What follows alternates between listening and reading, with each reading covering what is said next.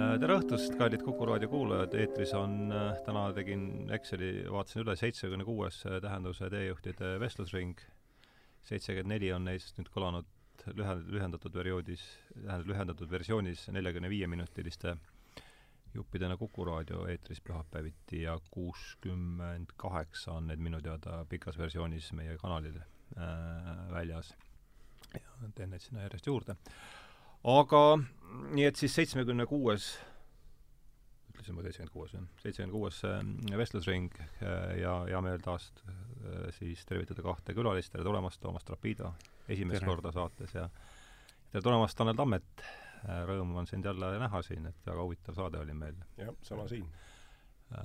Kus kandis vist numbrit järsku oli mingi, no üsna hiljuti, Saarne Hiobiga oli saade, mis sai pealkirjaks Silicon Valley Millennium aga täna on siis uus teema ja, ja teemaks on siis äh, Gaia hüpotees.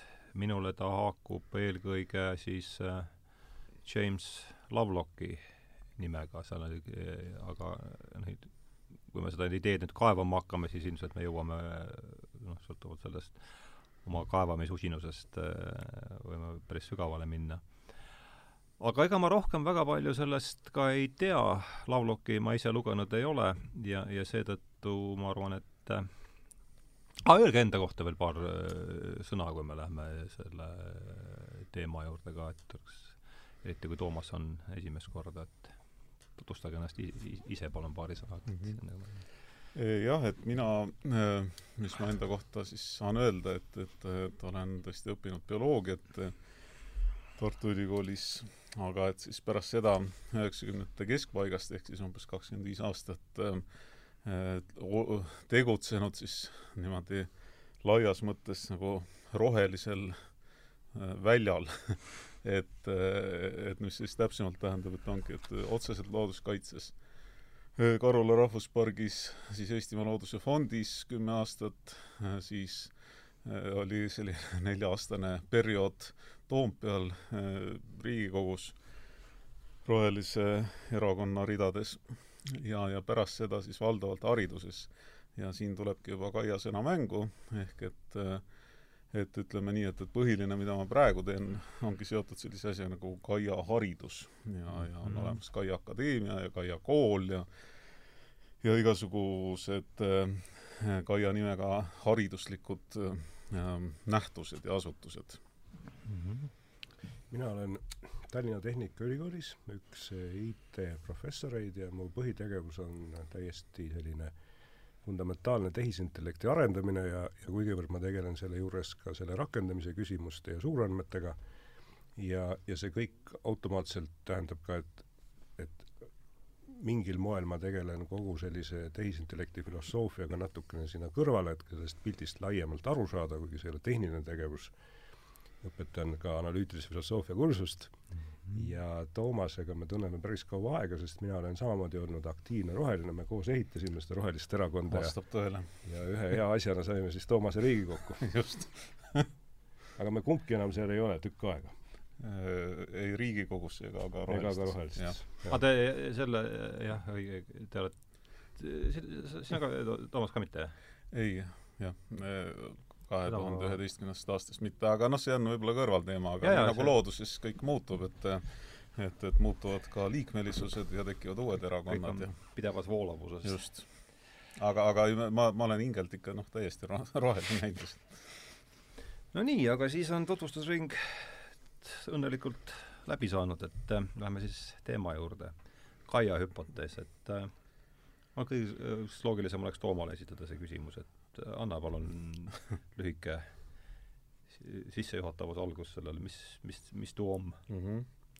-hmm. tuum üks, üks, üks, üks huvitav asi, jah, asjandus. et äh, küll, et ma räägin äkki, äkki hästi natukene ka Lovelockist, et minu arust äh, tasub äh, tasub teda igal juhul tutvustada Eestis. mitme raamatukogu eesti keeles on esindatud? Äh, ma jään vastuse võlgu vähemalt ühega. vähemalt ühega et see on Kaia kättemaks, mis on nagu natukene õnnetu lugu, et, et minu arust see oli esimene raamat, ma ei tea, kas on midagi rohkem ilmunud, et, et noh, et, et see on selline raamat, mille kohta Lovelock ise ütleb, et noh, et sai pisut liiale mindud mm. -hmm et tema esimene raamat on siis Kaia A New Look on Life, kui ma õieti mäletan, ühesõnaga, et Kaia nagu uus vaade elule. Aga et, et James Lovelock on ta nimi ja väga vitaalne härrasmees, kes sai eelmisel suvel saja-aastaseks. ja Tõsi, elab, jah, ja tegutseb ja mõtleb ja kirjutab. elab Devonis ja, ja noh, ütleme, et et, et, et Lovelock on minu jaoks selline äh, nagu teadlase sõltumata, sõltumatu teadlase arhetüüp mm. -hmm. et äh, noh, tema lugu lühidalt ongi selles, et, et ta õppis, ma ei mäleta, millises ülikoolis ja siis natuke tegutses seal, aga, aga need ülikooli seinad ja koridorid jäid talle nagu kitsaks selgelt ja, ja siis ta tegigi oma labori seal Devonis ja, ja põhimõtteliselt hakkaski leiutama ja ta on leiutanud noh, loonud nagu selliseid seadmeid, mida, mida tänapäeval noh, täiesti igapäevaselt kasutatakse, mingit kromatograafia ja noh, ma täpselt seda valdkonda ei tunne, aga aga see on lihtsalt nagu noh, see, selleks öeldud, et et, et ta ei ole lihtsalt noh, ei istu kusagil oma, oma tugitoolis ja ei filosofeeri, vaid et ta on noh, nagu hästi noh, nii-öelda nagu inglise keeles öeldakse hands-on, on ju. kromatograaf, mis, mis kaaskroomatograaf võib-olla Tanel oskab täpsemalt äh, öelda, mille jaoks see hea on, aga noh, põhimõtteliselt äh, seda seadet ta kasutas ka Kaia hüpoteesini jõudmiseks, sellepärast et selle seadme abil on võimalik siis tuvastada Ehm, noh, spektrite alusel, milliseid elemente siis näiteks mingite planeetide äh, valgus meile saa-, tähendab, millised elemendid on seal planeetide atmosfääris olemas, on ju.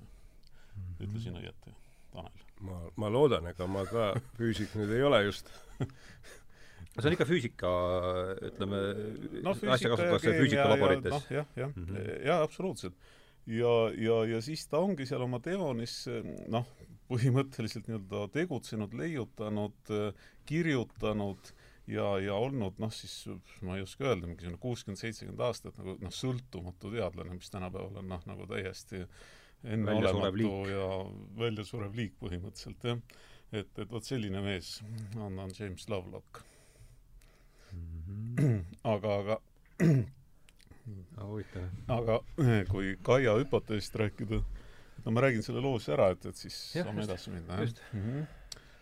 et äh, äh, Lavlok ise kirjeldab seda just nimelt oma esimeses raamatus ja, ja noh, et nii nagu selliste lugude legendidega on, et, et igal rääkimisel nad pisut muutuvad, nii et, et, et, et see on lihtsalt lugu, aga igaüks võib seda ise kontrollida. ühesõnaga, et kui ta oli juba oma kromatograafi leiutanud ja, ja noh, ta oli tuntud kui, kui noh, inimene kui teadlane, et kes suudab keerulistele probleemidele mingisuguseid lahendusi pakkuda ja isegi lahendusteni jõuda. et, et siis eh, kas siis kuuekümnendate lõpus või seitsmekümnendate alguses äh, oli siis NASA-l ehk siis äh, Ameerika kosmoseagentuuril selline huvitav probleem, et et nad tahtsid äh, saata tehiskaaslase ühele planeedile. et tõenäoliselt siis Marsile, kuna äh, aga noh, ka Veenus on suhteliselt lähedal. Äh, ja, äh, ja, ja nad tahtsid e eelnevalt noh, ütleme võimalikult palju nagu välja uurida või teada saada, et, et kas näiteks Marsil võiks olla elu. et, et kui juba sinna sõita tehiskaaslasega, et, et siis teaks noh, kus vaadata, kus kivi all see elu võiks on ju olla. aga, aga noh, kujutame ette, et, et no isegi praegu, et, et kuidas me siit maa pealt nagu üldse oskaks midagi arvata, et, et noh, näiteks kas Marsil on elu. ja, ja siis, siis Lovelockile antigi see pähkel pureda. ja, ja siis ta mõtles ja mõtles ja ei saanud kuidagi nagu seda õiget otsa kätte. aga, aga siis tal nagu plahvatas et, et mis on minu arust nagu hästi oluline hetk või selline, et kuidas nagu tekib uus noh, taipamine või uus selline suund, et et, et vaat-, läbi vaatepunkti muutuse, et mm,, et ta mõtles, mõtles sellise mõtte äkki oma jalutuskäikudel mm., et, et kui mina, James Lovelock, asuksin praegu Marsil, oleksin Marsi teadlane ja, ja, ja Marsi kosmoseagentuur hakkaks välja saatma tehiskaaslast Maale, et mm, -hmm. et, et mhm. kuidas mina saaksin midagi öelda selle kohta, kas Maal on elu või ei ole elu. vaata, see oli nagu see täielik ahaa-moment ja, ja, ja siis, siis hakkas see asi noh, nagu edasi minema ja paika loksuma. ehk eh, siis ta mõtles välja või kuna ta nende kromatograafidega tegeles ja et, et, et, et mida me saame praegu noh, siis ütleme sellel ajaperioodil eh, teada vaadeldes Marssi olemasolevate riistadega. nii. ja, ja, ja siis, siis ta teostas need mõõtmised või noh, ütleme, otsis välja, mis juba olemas oli, ja, ja siis äh, ta jõudis nagu kahe väga huvitava anomaaliani et et, et kui me vaataksime Maad kaugelt, äh, võrreldes siis Marsiga, ja, ja et need kaks anomaaliat olid selles, on selles, et äh, et Maa atmosfääri koostises on siis umbes kakskümmend üks protsenti hapnikku. see on esimene anomaalia Maa siis just, aga mm, -hmm. aga miks see on anomaalia, see on sellepärast, et, et, et hapnik on siis ülimalt reageeriv gaas, nagu me teame, noh, ta põleb, noh, nii-öelda reageerib eh, süsinikuga, ehk siis toimub põlemine, reageerib rauaga, raud roostetab, ühesõnaga, kus on hapnikku, seal noh, ta, ta nagu tahab, on ju, kohe nii-öelda kellegiga reageerida et, et see, et, et, et ühe planeedi atmosfääris on kakskümmend üks protsenti hapnikku, see on noh, nagu keemiliselt, kui noh, me elu või midagi muud sisse ei too, siis noh, sisuliselt võimatu, et me ei näe seda mm -hmm. lähiplaneet, noh, mitte kusagil. Vähemalt päikesesüsteemis. ja põhjus on siis selles veel kord, et ma nüüd õigesti aru saan, et hapnik on väga aktiivne gaas, tahab äh, toimetada ja,. jah, jah. ja, ja siis, et ainus vastus, milleni see Lovelock jõudis, ongi see, et et noh, et, et biosfäär ehk siis nagu elu ise äh, Äh, noh, reguleerib läbi siis äh, on ju fotosünteesi ja kõikide protsesside äh, seda hapnikusisaldust atmosfääris, aga, aga nagu ei ole ühte sellist noh, nii-öelda juhtimiskeskust, et kuhu näpp peale panna, et, et vot siin näed, et, et see protsess või nemad vastutavad selle eest, et ei ole. et, et ainus, mis saab öelda, et, et, et elu loob elule sobivaid tingimusi. ja, ja teine mhm. siis analoogne äh, anomaalia, milleni ta jõudis, on see, et et, et maakera äh, temperatuur äh, on siis elu jaoks väga sobivas vahemikus, ehk mis see tähendab, on see, et, et see kõigub noh, ütleme näiteks ööpäeva lõikes väga vähe. et äh, noh, Eestis me näeme, et see ei kõigu üldse enam et, et on nagu mingi pluss viis kogu aeg, aga noh, kui see kõrvale jätta, siis ikkagi, et, et noh, et, et kümme, noh, kakskümmend kraadi näiteks, noh, suvel võib juhtuda, et, et on, on seal päeval kolmkümmend, öösel kümme või noh, midagi sellist, aga, aga noh, Marsil ja Veenusel ta kõigub noh, näiteks sada kraadi, on ju, ööpäevas. et, et noh, see on nagu noh, äärmiselt vaenulik keskkond, nagu me teame siin igasugustest Marsi, Marsile mineku äh, Äh, mõtetest, on ju. et äh, ja jällegi ta jõudis selleni, et, et, et ei saa öelda, kes seda teeb. ainus asi, mis saab öelda, on see, et, et, et, et biosfäär või elu ise loob nagu jällegi temperatuuri mõttes elule soodsad endale soodsad keskkonna. jah, ja, ja, ja siis nüüd, et, et lõpuni jõuda, et kust see sõna kaia tuli, et, et siis Lovelockil oli noh, nagu suur ahaa, on ju, ja, ja nagu ikka, siis inimene tahab seda nagu jagada teistega ja siis väga huvitaval kombel, et tal oli üks naabrimees, et, et tema nimi oli siis äh, William Golding mm., kes on siis teatavasti seesama seesama, jah. jah, ja, ja, ja, ja hea seltskond. no just, hea seltskond, jah, et mine kui ise sellest läheb, hakkab kesta käib ja, ja siis, siis nad noh, nagu päriselt käisid noh, jalutamas äh, seal temani nõmmedel ja külade vahel ja nii.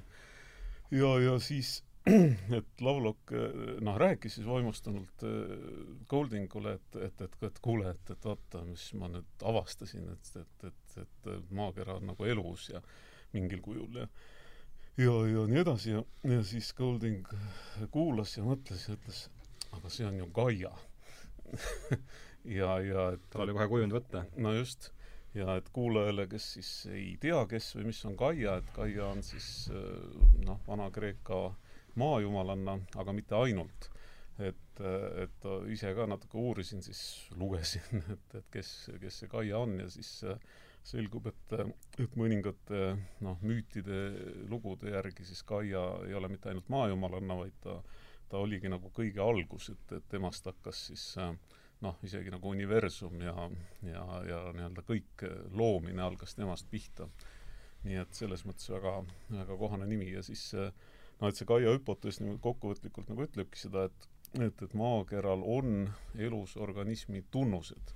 ehk et, et ta suudab hoida oma temperatuuri eh, sobivas vahemikus ja, ja, ja atmosfääris siis hoida eh, vajalikku siis eh, hapniku hulka elu jaoks.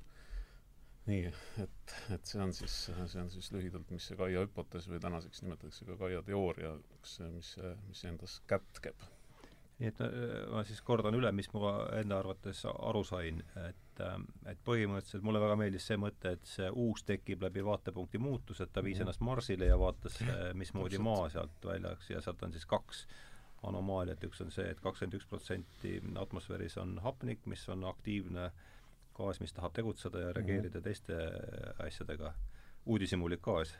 just, väga hea, jah, jah. ja, ja teine on siis see, et et ähm, maa temperatuur püsib äh,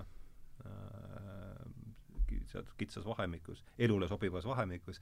ma tahaks siit minna teise küsimusega edasi, mis haakub äh, Taneli juurde, võib-olla natuke üllatav ja üldse mitte väheambitsioonikas küsimus, et et me rääkisime eelmises äh, saates, oli suur osa saatest selle ümber, mis on teadvus.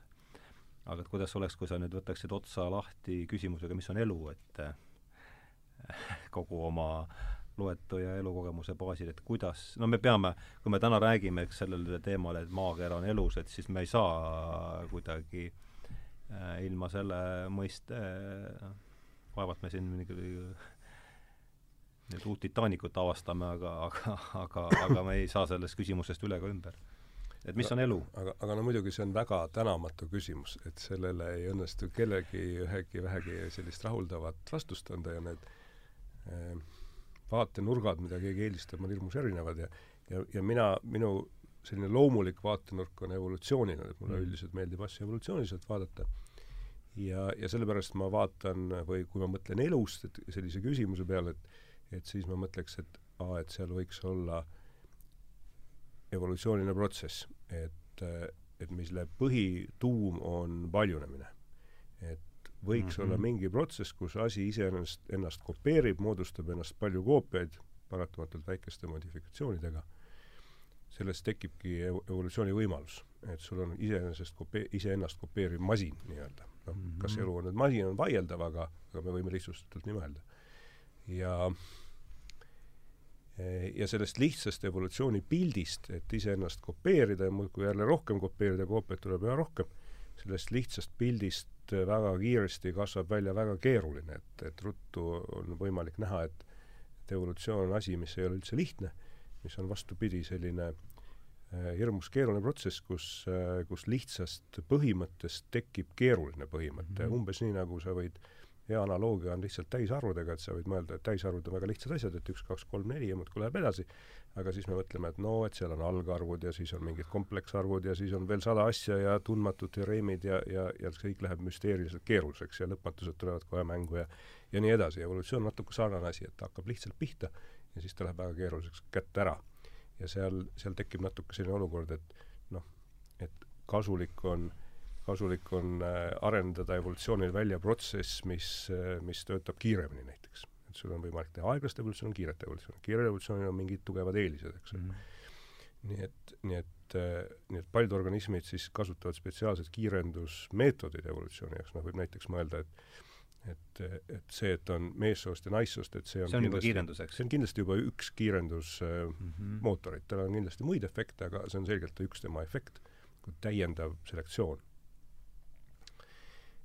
Ja, ja kui niimoodi vaadata, siis siis me peaks küsima, et et kui me vaatame, et, et äh, kui maa on nüüd elus organism, kas me näeme seal selgeid selliseid isepaljunemise tunnused, et toimuks mingi evolutsioon, noh, lihtsamas mõttes muidugi mitte, et, et ei teki selliseid väikseid maasid kogu aeg, mis paiskuvad laiali ja väikseid marsse, mis paiskuvad laiali ja siis siis konkureerivad omavahel päikesevalguse pärast näiteks, et noh, siis oleks pilt suhteliselt selge, et nad on nagu, nagu rakud, eks, nad äh, hakkavad konkureerima, paljunema, aga seda päris ei ole. no natukene on, et, et selge, et on meteoriidid, löövad seal kilde välja, selle kildude peal võib olla baktereid, mikroobe, need võib-olla paiskuvad kuskile mujale, et noh, mingis väikeses lähenduses natuke sellist laadi protsess toimub, aga mitte päris sellise tervikuna mõttes, et, et tervikuna maa koopiaid ei tee, kuigi ta teeb kas see meteoriidi värk polnud mitte see, ma lihtsalt segan vahele, ma ei tea, et kas see polnud see, kuhu Crick lõpuks jõudis oma selle äh,, Francis Crick oma selle no noh, see, see on noh, nii-öelda omaette nüüd väga suur küsimus, me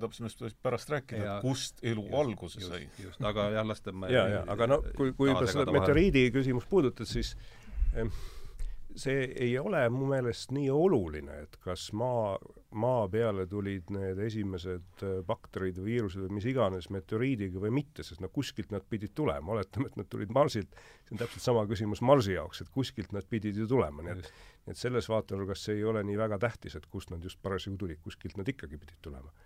ja, ja, ja võib-olla nad noh, on ka täiesti mõeldav, et nad tekivad igal pool ja paiskuvad eri suundades laiali, eks ole, nii et kui niimoodi vaadata, et oletada, et näiteks, et kunagi võib-olla Marsil arenes ise elu välja, mingid osad lendasid maa peale meteoriitidega, selline sadu tegelikult toimub, et seda on kindlasti tuvastatud, et mingid suured meteoriidid löövad tükke lahti, mis vahel kukuvad teistele planeetidele, see pidi isegi väga, väga tihe nähtus olema.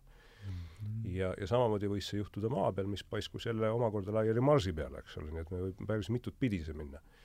Ja, ja nüüd, kui me läheme nagu pika ajaperioodi peale, siis võiks ju umbes mõelda niimoodi, et noh, et maa peal tekkis, tekkis inimkond ja selline keeruliselt mõtlev tsivilisatsioon ja raketid lendavad ja ja, ja rakettidega sõidetaksegi mujale ja, ja seal on ka igasugused asjad ja bakterid ja vahel inimesed peal, nii et ses mõttes see see maa sellist väljapaiskuvat eluvoogu tekitab, et see ei ole toimunud väga ruttu, see ei ole toimunud sellise kiire no nähtava evolutsioonina, aga väga pikas perspektiivis justkui selline, selline protsess toimub. nii et noh, niimoodi võib natukene vaadata, nii et ma arvan, et noh, et eks see ongi küsitav, et kas seda maad võib terve elusorganismina võtta või mitte ja ja sõltub väga sellest vaatenurgast, et mina pigem äh, pigem oleks veidi skeptiline oma vaatenurga mõttes, sest äh, selline klassikaline intensiivne evolutsiooniprotsess selgelt ei ole. noh, keegi ei ütle, et elu peab olema evolutsiooniline. et mhm. kindlasti on hulk inimesi, kes ütlevad, elu pole üldse evolutsiooniline, et et, et ta loodi inimene selline, nagu ta on ja kogu lugu, eks ole, ja me võime ka umbes niimoodi mõelda, et noh, et polegi vaja seda evolutsiooni. see ei ole nüüd selline vaatenurk, mida ma tüüpiliselt tüüpiliselt järgiks, et, et mulle evolutsioon tundub selline rohkem seletav, eks küsimus on natuke see, et sa võid ju igat moodi mõelda, aga kas sellest mõtlemisest midagi järeldub ka, et kas sa hakkad, oskad mm. sellest prognoosida midagi, jah? või kas see ja, muudab su käitumist? kas see muudab su käitumist, kas sa oskad mingeid, mingeid prognoose teha, eks? et evolutsioonilisel vaatepunktil on natukene sellist võimet on, et me kuigivõrd kujutame ette, et, et noh, mismoodi need evolutsioonilised protsessid võivad edasi minna, me oskame asju seletada, kui me ei võta sellist positsiooni, ütleme, et ta on kunagi äkki tekkinud, plau, siis me ei oska midagi eletada, eks, nii et, nii et puhtalt selline ennustuslik võime on evolutsioonilisel seletusel natuke suurem, ma arvan, kui teistel mm. -hmm. ja, ja ma arvan, see on ka selle Kaia hüpoteesi üks küsimus, et et, et seda võib väga mitut moodi interpreteerida, et mis järeldusi me sellest teeme, noh, kindlasti kõik teevad sellest mingeid emotsionaalseid järeldusi. et kui sa mõtled, et maa on elus, siis ta, ta tundub, elu on meile positiivne asi, tundub niisugune soe, me peaks seda hoidma, eks selgelt sellised emotsioonilised emotsionaalsed efektid muud, tekivad ja võib muuta, eks jah. aga, aga muud on väga raske öelda. ja, ja muidugi see, nii palju kui ma aru saan, siis see Lovelocki tähelepanek iseenesest, et elusorganismid muudavad äh, muudavad atmosfääri koostist, on suhteliselt triviaalne, et see ei ole ju asi, mida siis tema kuidagi avastas, et kõik seda teavad väga ammust peale, et, et gaase antakse välja ja elu kogu aeg muudab kõike, eks me ise teame ju ka, et et, et mida need inimesed kõik teevad, eks ole, mida loomad ja bakterid on teinud, et seal on väga palju huvitavaid asju toimunud varem, väga ammu juba, eks. et küsimus on, mis me sellest oskame järeldada. ja, ja ma saan aru, et Lovelockil oli endal mõte, et et, et talle tundus, et elu tegutseb niimoodi, nagu, nagu Toomas ka rääkis, et ta püüab hoida sellist äh, üldiselt eluks sobilikku keskkonda. umbes, et et ei tuleks liiga palju hapnikku ja me kõik põleme ära või vastupidi, et hapnik lõpeks ära, eks ole. et, et see on tema sellise, mikspärast on see hüpotees, et see on tema selle hüpoteesi tuum, et elu püüab hoida endale sobivat keskkonda maa peal. ja noh, ta ei saa hoida seda nagu lihtsalt enda, enda poolt, ta peab selleks tegema mingis mõttes selle anorgaanilise mateeriaga, kivide ja, ja veega koostööd, et ta, et ta muudab neid, eks ole, sätib neid. et see on sellepärast ongi see hüpotees, ma arvan, et see, see, et elu muudab atmosfääri ja, ja kõike, mis maa peal on, see ei ole hüpotees, see on ilmselge fakt. nagu hüpotees on see, et, et, et elu püüab koostöös selle mittemateriaal- või selle mitteelus osaga, võib-olla siis mitteelus osaga, mis on ka muidugi vaieldav, hoida sellist äh, sobivat keskkonda. nüüd tegelikult keegi ei tea, kas elu seda suudab teha. me oleme praegu näinud, et ta on mingi aeg suutnud teha, aga väga lihtne on teha simulatsioone, mis ütlevad, et et noh, kui midagi läheb kuidagi halvasti, siis see keskkond muutub talumatult halvaks ja kõik surevad ära. ja me kõik kujutame umbes ette, et need võimalused on täiesti olemas, et noh, inimesed võivad tuumapommid laiali lasta, nad võivad tekitada mingisuguse totaalse kliima soojenemise, mis toob omakorda kaasa sellise laviinitaolise totaalse muutumise, kuhu me ei oska öelda isegi, kuhu see viib, aga võib-olla viib väga halbade tulemusteni, keegi ei ole veendunud, et seda ei juhtu, eks ole. Mhm. selles mõttes me ei saa olla päris veendunud, et elu seda teeb tingimata.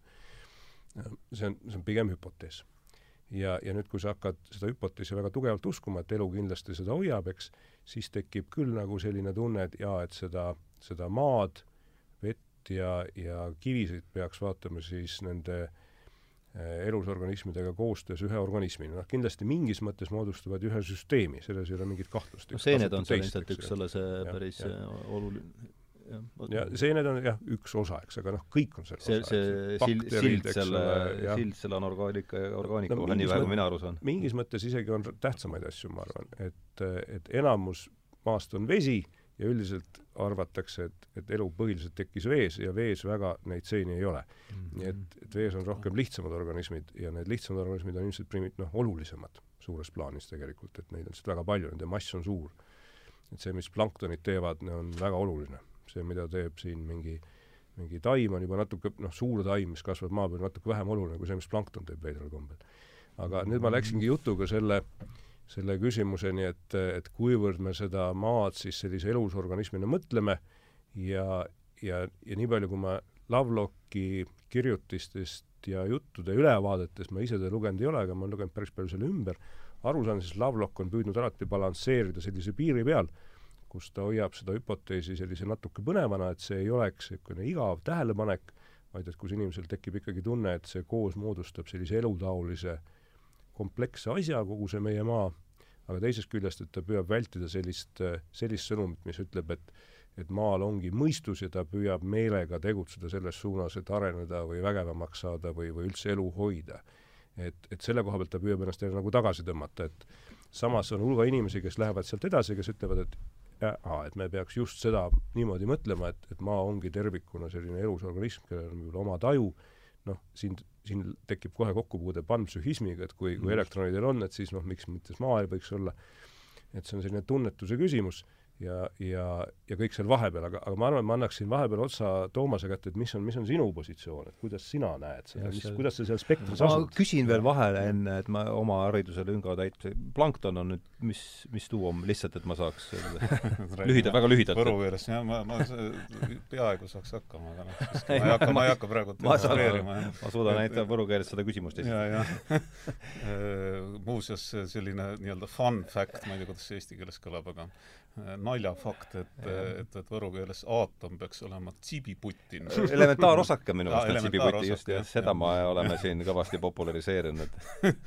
Et aga, aga noh, et, et plankton on noh, üldiselt planktoniks minu teada peetakse ikkagi noh, valdavalt selliseid ainuraksid või ühesõnaga tuumaga tuumaga siis noh, väikseid organisme, kas nad on siis üherakulised tuum on olemas juba, jah? jah, jah et mi-, miks, miks ma seda mainin, on see, et et enamus rakke maailmas, noh, selles mõttes rohkem kui pooled on kindlasti ilma tuumata, ehk siis bakterid mm. -hmm. ja, ja sinna alla käivad siis tsüanobakterid, keda siis mitte nii väga ammu nimetati ka sinivetikateks, ehk kes põhimõtteliselt fotosünteesivad, ehk siis noh, ta, toodavadki seda hapnikku ja, ja selles mõttes Tanelil jutt jumala õige või noh, vähemalt nii palju, kui mina seda tean, et, et, et enamus hapnikust jällegi, et üle poole mis äh, noh, meil nagu hingata on, et see toodetakse tegelikult öö, ookeanides või noh, meredes siis nendesamade tsüanobakterite poolt. siis see sinivakt-, see tähendab sinivetikas kuulub planktoni alla,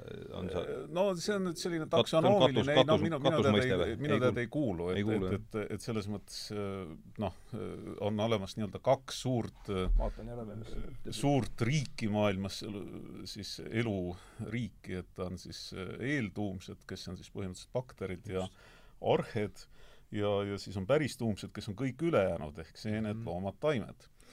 on ju, ja, ja, ja et, et, et noh, ütleme nii, et, et me saame siin filosofeerida ja hingata suuresti siis tänu bakteritele, noh, päriselt mm. -hmm. nii et võiksime, vaatan järele sõnaraamatut. võiksime jah, nii-öelda respekteerida neid rohkem nii, aga hästi, see planktoni kõrval, aga mm -hmm. sa mhm. tahtsid tegelikult rääkida üldse äh, no ütleme nii, et, et, et, et noh, ma saan, saan aru, et, et siin saates noh, on hea, kui nagu minnaksegi sellisele ohtlikule ja natuke Just. põnevale pinnale. et see on eesmärk et et noh, et, et mina kindlasti noh, kui Taneli jutu lõpp nüüd võtta, et siis noh, kui lähen sealt edasi jah, et, et millest siis laulak räägib ja, ja et ma olen tõlkinud ka ühe raamatu eesti keelde Maailma tants, mis on siis Elizabeth mhm. Sahturise, kes on siis minu selline suur noh, nagu, nagu inspiratsioon, üks, üks bioloog, tema poolt kirjutatud ja, ja et miks ma ütlen, et see on nagu ohtlik pind, et noh, et,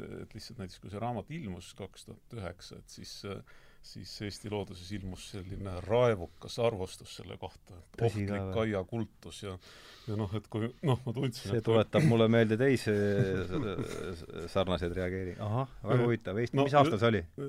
oli vist kaks tuhat üheksa eesti keeles, jah. muidu ilmus kaks tuhat see raamat. kes autor oli? Elizabeth Sahturis. ei, selle Eesti Looduse? no ei hakka nimetama okay., võib üles otsida. bioloog et mhm. aga noh, selles mõttes see nimi või noh, isik pole tähtis, et, et päris huvitav oleks nagu vestelda, aga et just nimelt see noh, emotsioon või see reaktsioon, et, et see oli noh, nagu, nagu ül-, ülimalt emotsionaalne, noh, ma ütlen ilma naljata, selline raevukas. et, et noh, et miks, miks selline noh, nagu raamat või selline lugu, et et Kaial, kui maal, kui Kaial on, on elusorganismi tunnused, nii aga siit edasi jah, läheb võib-olla ohtlikumaks, et tõepoolest, et et kas evolutsioon on nagu suunatud või kas, kas evolutsioonil on mingisugune suund. ja, ja noh, see raamat Elizabeth Sahturis noh, väga selgelt ütleb, et on. ja, ja noh, et siin on võimalik äh, hulk äh, noh, illustreerivaid näiteid tuua või isegi noh, teatud määral tõestusi, et et noh, et siin tulebki nagu see juhuslikkuse ja suunatuse noh, nagu telg on ju, et mina ei ütle, et, et Jumal lõi maailma nagu seitsme päevaga ja kõik on ette määratud, aga noh, mis on selle telje nagu teisel poolel, mis on noh, nagu mõnes mõttes siis selline noh, tänane peavool võib-olla on see, et, et kõik on toimunud niimoodi kuidagi juhuslikult mm. -hmm. ja, ja noh, mõned inimesed ongi arvutanud välja, et et näiteks eh, noh, et, et kuidas saaks juhuslikult tekkida DNA noh, mis on nagu teatud kood, on ju. ja, ja, ja noh, jõudnud siis noh, näiteks sellise näiteni, et et, et mida tähendaks see, et et, et juhuslikult tekiks üks lehekülg Hamletist mm.. nii, et kuidas seda üldse, seda situatsiooni nagu hakata looma. et on sada ahvi, kelle, kes istuvad siis klaviatuuri, trükimasina või mille iganes taga ja võivad tippida niimoodi suvaliselt, juhuslikult. nii, siis on inimene arvutanud, et, et noh, millise aja jooksul need ahvid siis jõuavad noh, kas siis ühe leheküljeni või, või, või, või terve Hamletini või mis iganes. ja, ja siis nad jõudsid selleni, et, et, et sada ahvi suudaks eh, produtseerida juhuslikult ühe, esimese lause Hamletist noh, mingisuguse umbes miljoni aastaga. esimese lause? jah.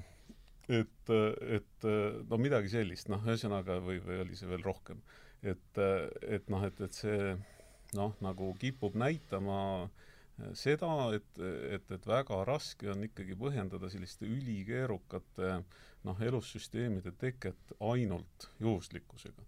see ei tähenda seda, et, et keegi ütles, et saagu nii ja siis nii oli vaid et see võib tähendada seda, et, et evolutsioonis või elus on nagu mingisugune noh, nagu, nagu selline voolusäng, on ju. et, et ja selle sees võib toimuda igast asju, aga et on mingisugune noh, nii-öelda noh, nagu soodustatud suund.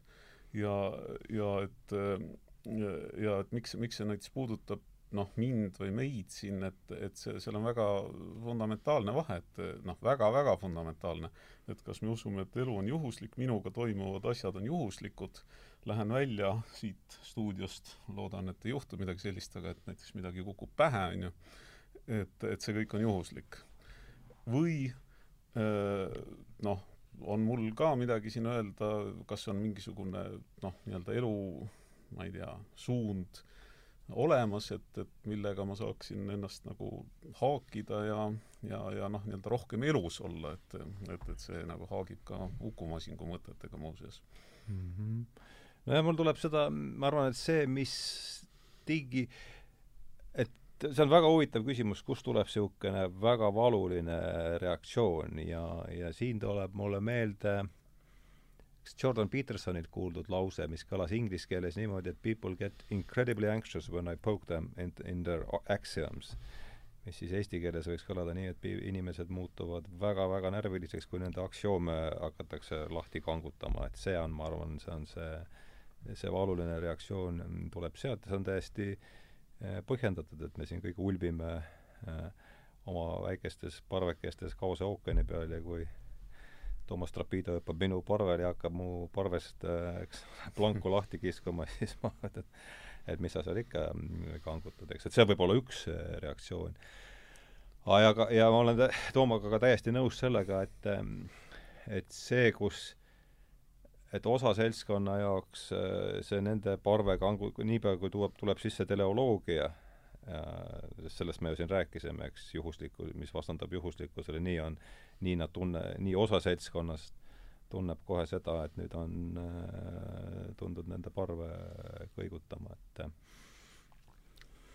see oli nüüd väike vahe, vahekraaksatus, enne kui ma annan sõna Tanelile, et, et ole hea. paar asja, mis ma, mis mulle pähe tulid seda kuulates, et kõigepealt juhuslikkusega võib olla mitut pidi ettevaatlik, et et ei no hakates toetamaks seda, mis Toomas ütles, et et need numbrid lähevad kõigepealt väga kiiresti suureks, et kui sa võtad juba ühe rea teksti, mis on noh, suurusjärk umbes kaheksakümmend sümbolit mm -hmm. ja seal on meil mingi nelikümmend sümbolit iga koha peale, siis see ühe rea teksti kombinatsioonide arv on suurem või umbes samas suuruses kui see, kui sa võtaksid terve teadaoleva universumi, kõik teadaoleva massi, ja kujutaksid ette, et ta on tervikuna üks arvuti kus, kus äh, iga elementaarosake on nagu umbes nagu üks niisugune arvuttransistor või info liigub nende vahel valguse kiirusega, teevad maksimaalses kiiruses te-, tehteid, et siis umbes siiamaani jõuaks universum teha neid mikrotehteid nii palju, kui seal ühes, ühes tekstireas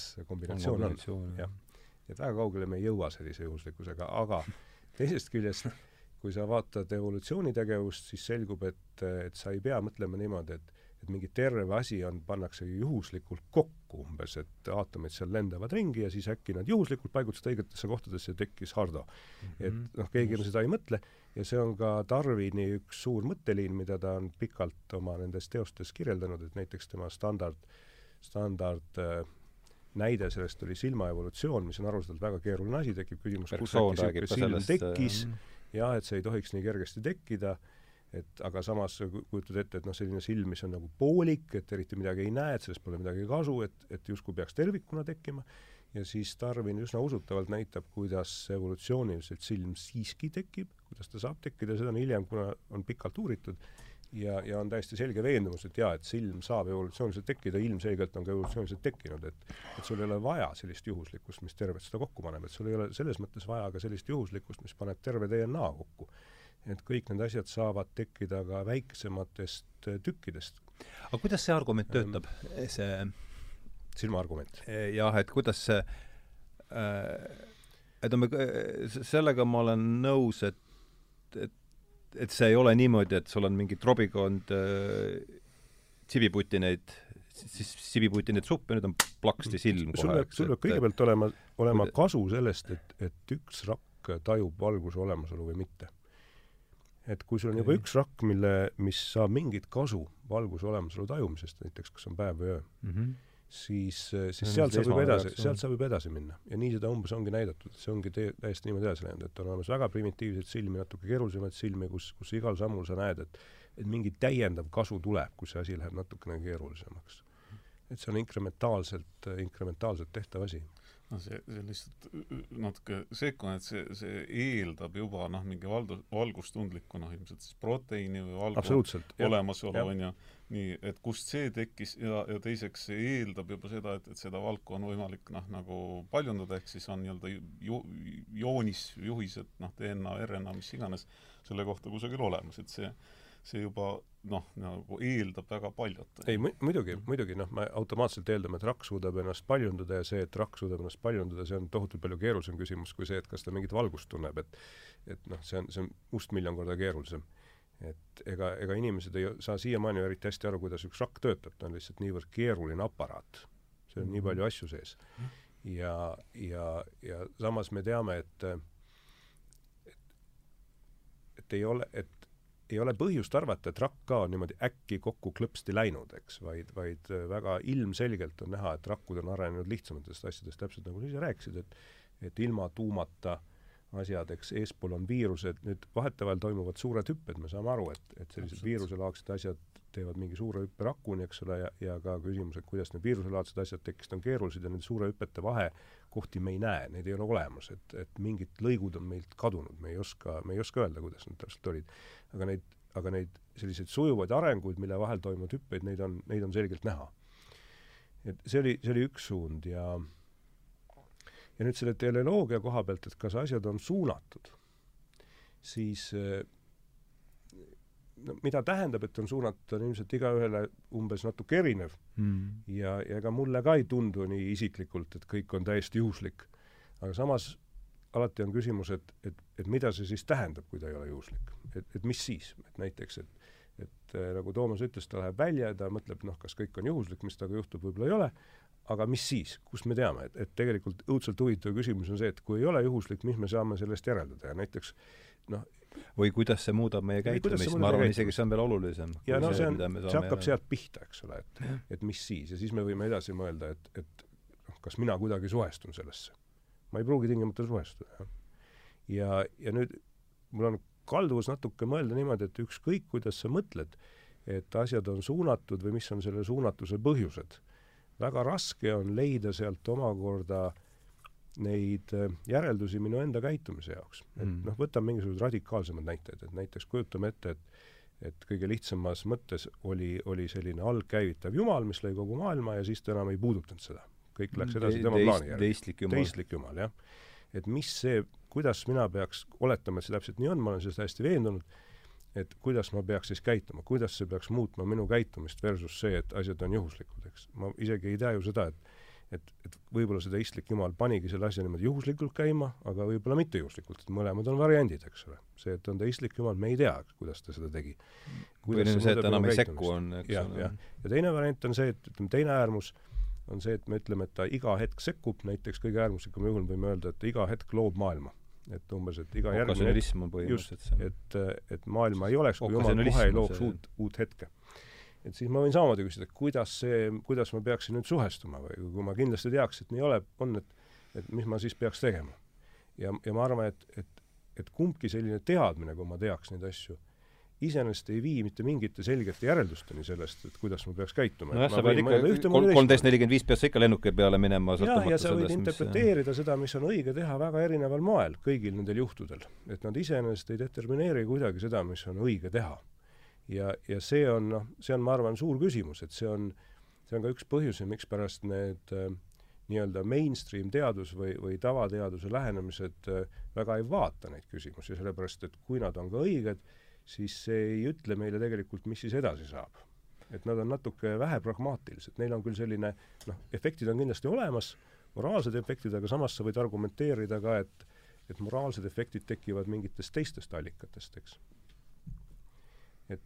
et ma arvan, siin on see koht, eks, kus ka see Kaia hüpoteesi niisugune suunatud, suunatud vaatlemine tekitab paljudes inimestes küsimusi, et, et, et mis siis? ja ma arvan, see on, noh, see on samas küsimus, see ei ütle, et sellest midagi ei tulene, eks ole, aga see küsimus tõuseb ja sellele küsimusele tuleks kuidagimoodi vastata. aga annamegi siit sõnajärje üle Toomasele, et oletame, et see on õige, mis siis? ja, jah, see ja, ja noh, et minu, minu jaoks noh, ega, ega ma nagu noh, nii-öelda niisama noh, nagu ei, ei sattunud vaimustust sellest raamatust, ei tõlkinud seda, on ju, et, et võib muidugi uurida, et miks see kõik juhtus minuga, on ju, on iseenesest huvitav küsimus aga et, et see andis mulle, kes ma tollal töötasin siis nagu Eestimaa Looduse Fondis, noh, ütleme siis nagu looduskaitsjana mõnes mõttes, et mul oli väga sü-, noh, nagu päris sügav fundamentaalne küsimus, et, et miks, miks ma üldse olen sellises olukorras, et et, et mina noh, nagu koos kolleegidega siis kaitseme loodust kellegi eest, on ju, ja see keegi siis nagu tahab seda kogu aeg hävitada, noh näiteks mingeid metsi või, või, või, või mida iganes, on ju, või mingi et, et ja, ja noh, et ma isegi saan mingisugust raha selle eest, et see on nagu minu elukutse või, või noh, ütleme, ma teengi seda, noh, nii-öelda saan oma, oma leiva sealt, et, et aga see, see on normaalne, et noh, et, et ma kujutan ette, et mingisugune järgmised viiskümmend aastat või noh, ütleme, oota, terve elu mina kaitsen, teised hävitavad. et, et noh, et noh, noh, kuidagi nõme, ütleme eesti keeles ausalt öeldes ja, ja, ja et noh, ja siis ma noh, hakkasingi nagu aktiivselt nagu otsima ma ei tea siis lahendusi või mitte lahendusi isegi, aga teisi mõtteid, ütleme.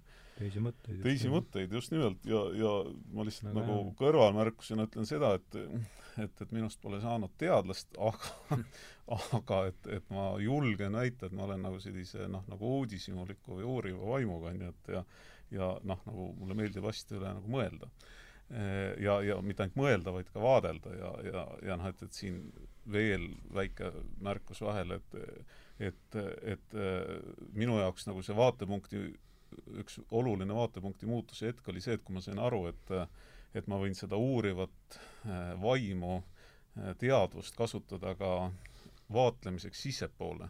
et, et mis protsessid toimuvad noh, nii-öelda minus et ja, ja, ja noh, see on see, millega siis noh, ütleme tänapäeva teadus hakkab, on hakanud päris aktiivselt tegelema. mis tähendab sellest positiivistlikust dogmast lahtiütlemist, kui sa selle pilgu mõnes mõttes küll jah, et, et kuna, kuna noh, just nimelt, et need protsessid ei ole noh, nagu fundamentaalselt noh, nagu hästi korratavad, on ju, katsetatavad, no natuke on ja natuke ei ole ka, on ju.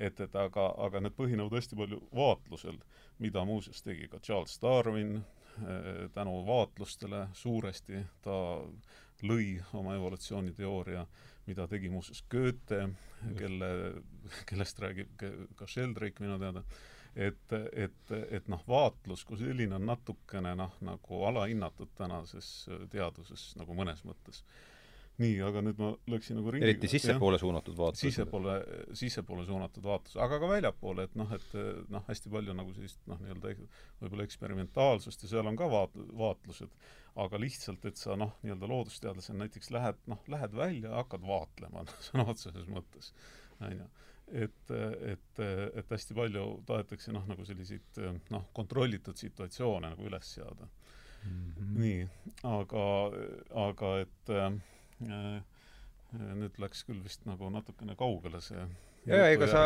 ei, no las ta võib ju ringi, ringiga minna, aga et noh, et mis siis? põhimõtteliselt see oli see küsimus, et kus, mis siis, kui aitäh äh, meelde tuletamast, et, et ma rääkisin jah, et, et saaks oma taustast rääkima. minu jaoks tekkisid nagu need fundamentaalsed küsimused ja siis see siis see, see raamat või noh, ütleme see, see noh, nagu mõttesuund siis noh, aitas mind konkreetselt väga palju ja aitab siiamaani. ja lühidalt nagu selgitan, milles asi on. et, et ja see ongi nagu uskumise asi, et, et igaüks võib uskuda noh, põhimõtteliselt mida ta tahab, on ju.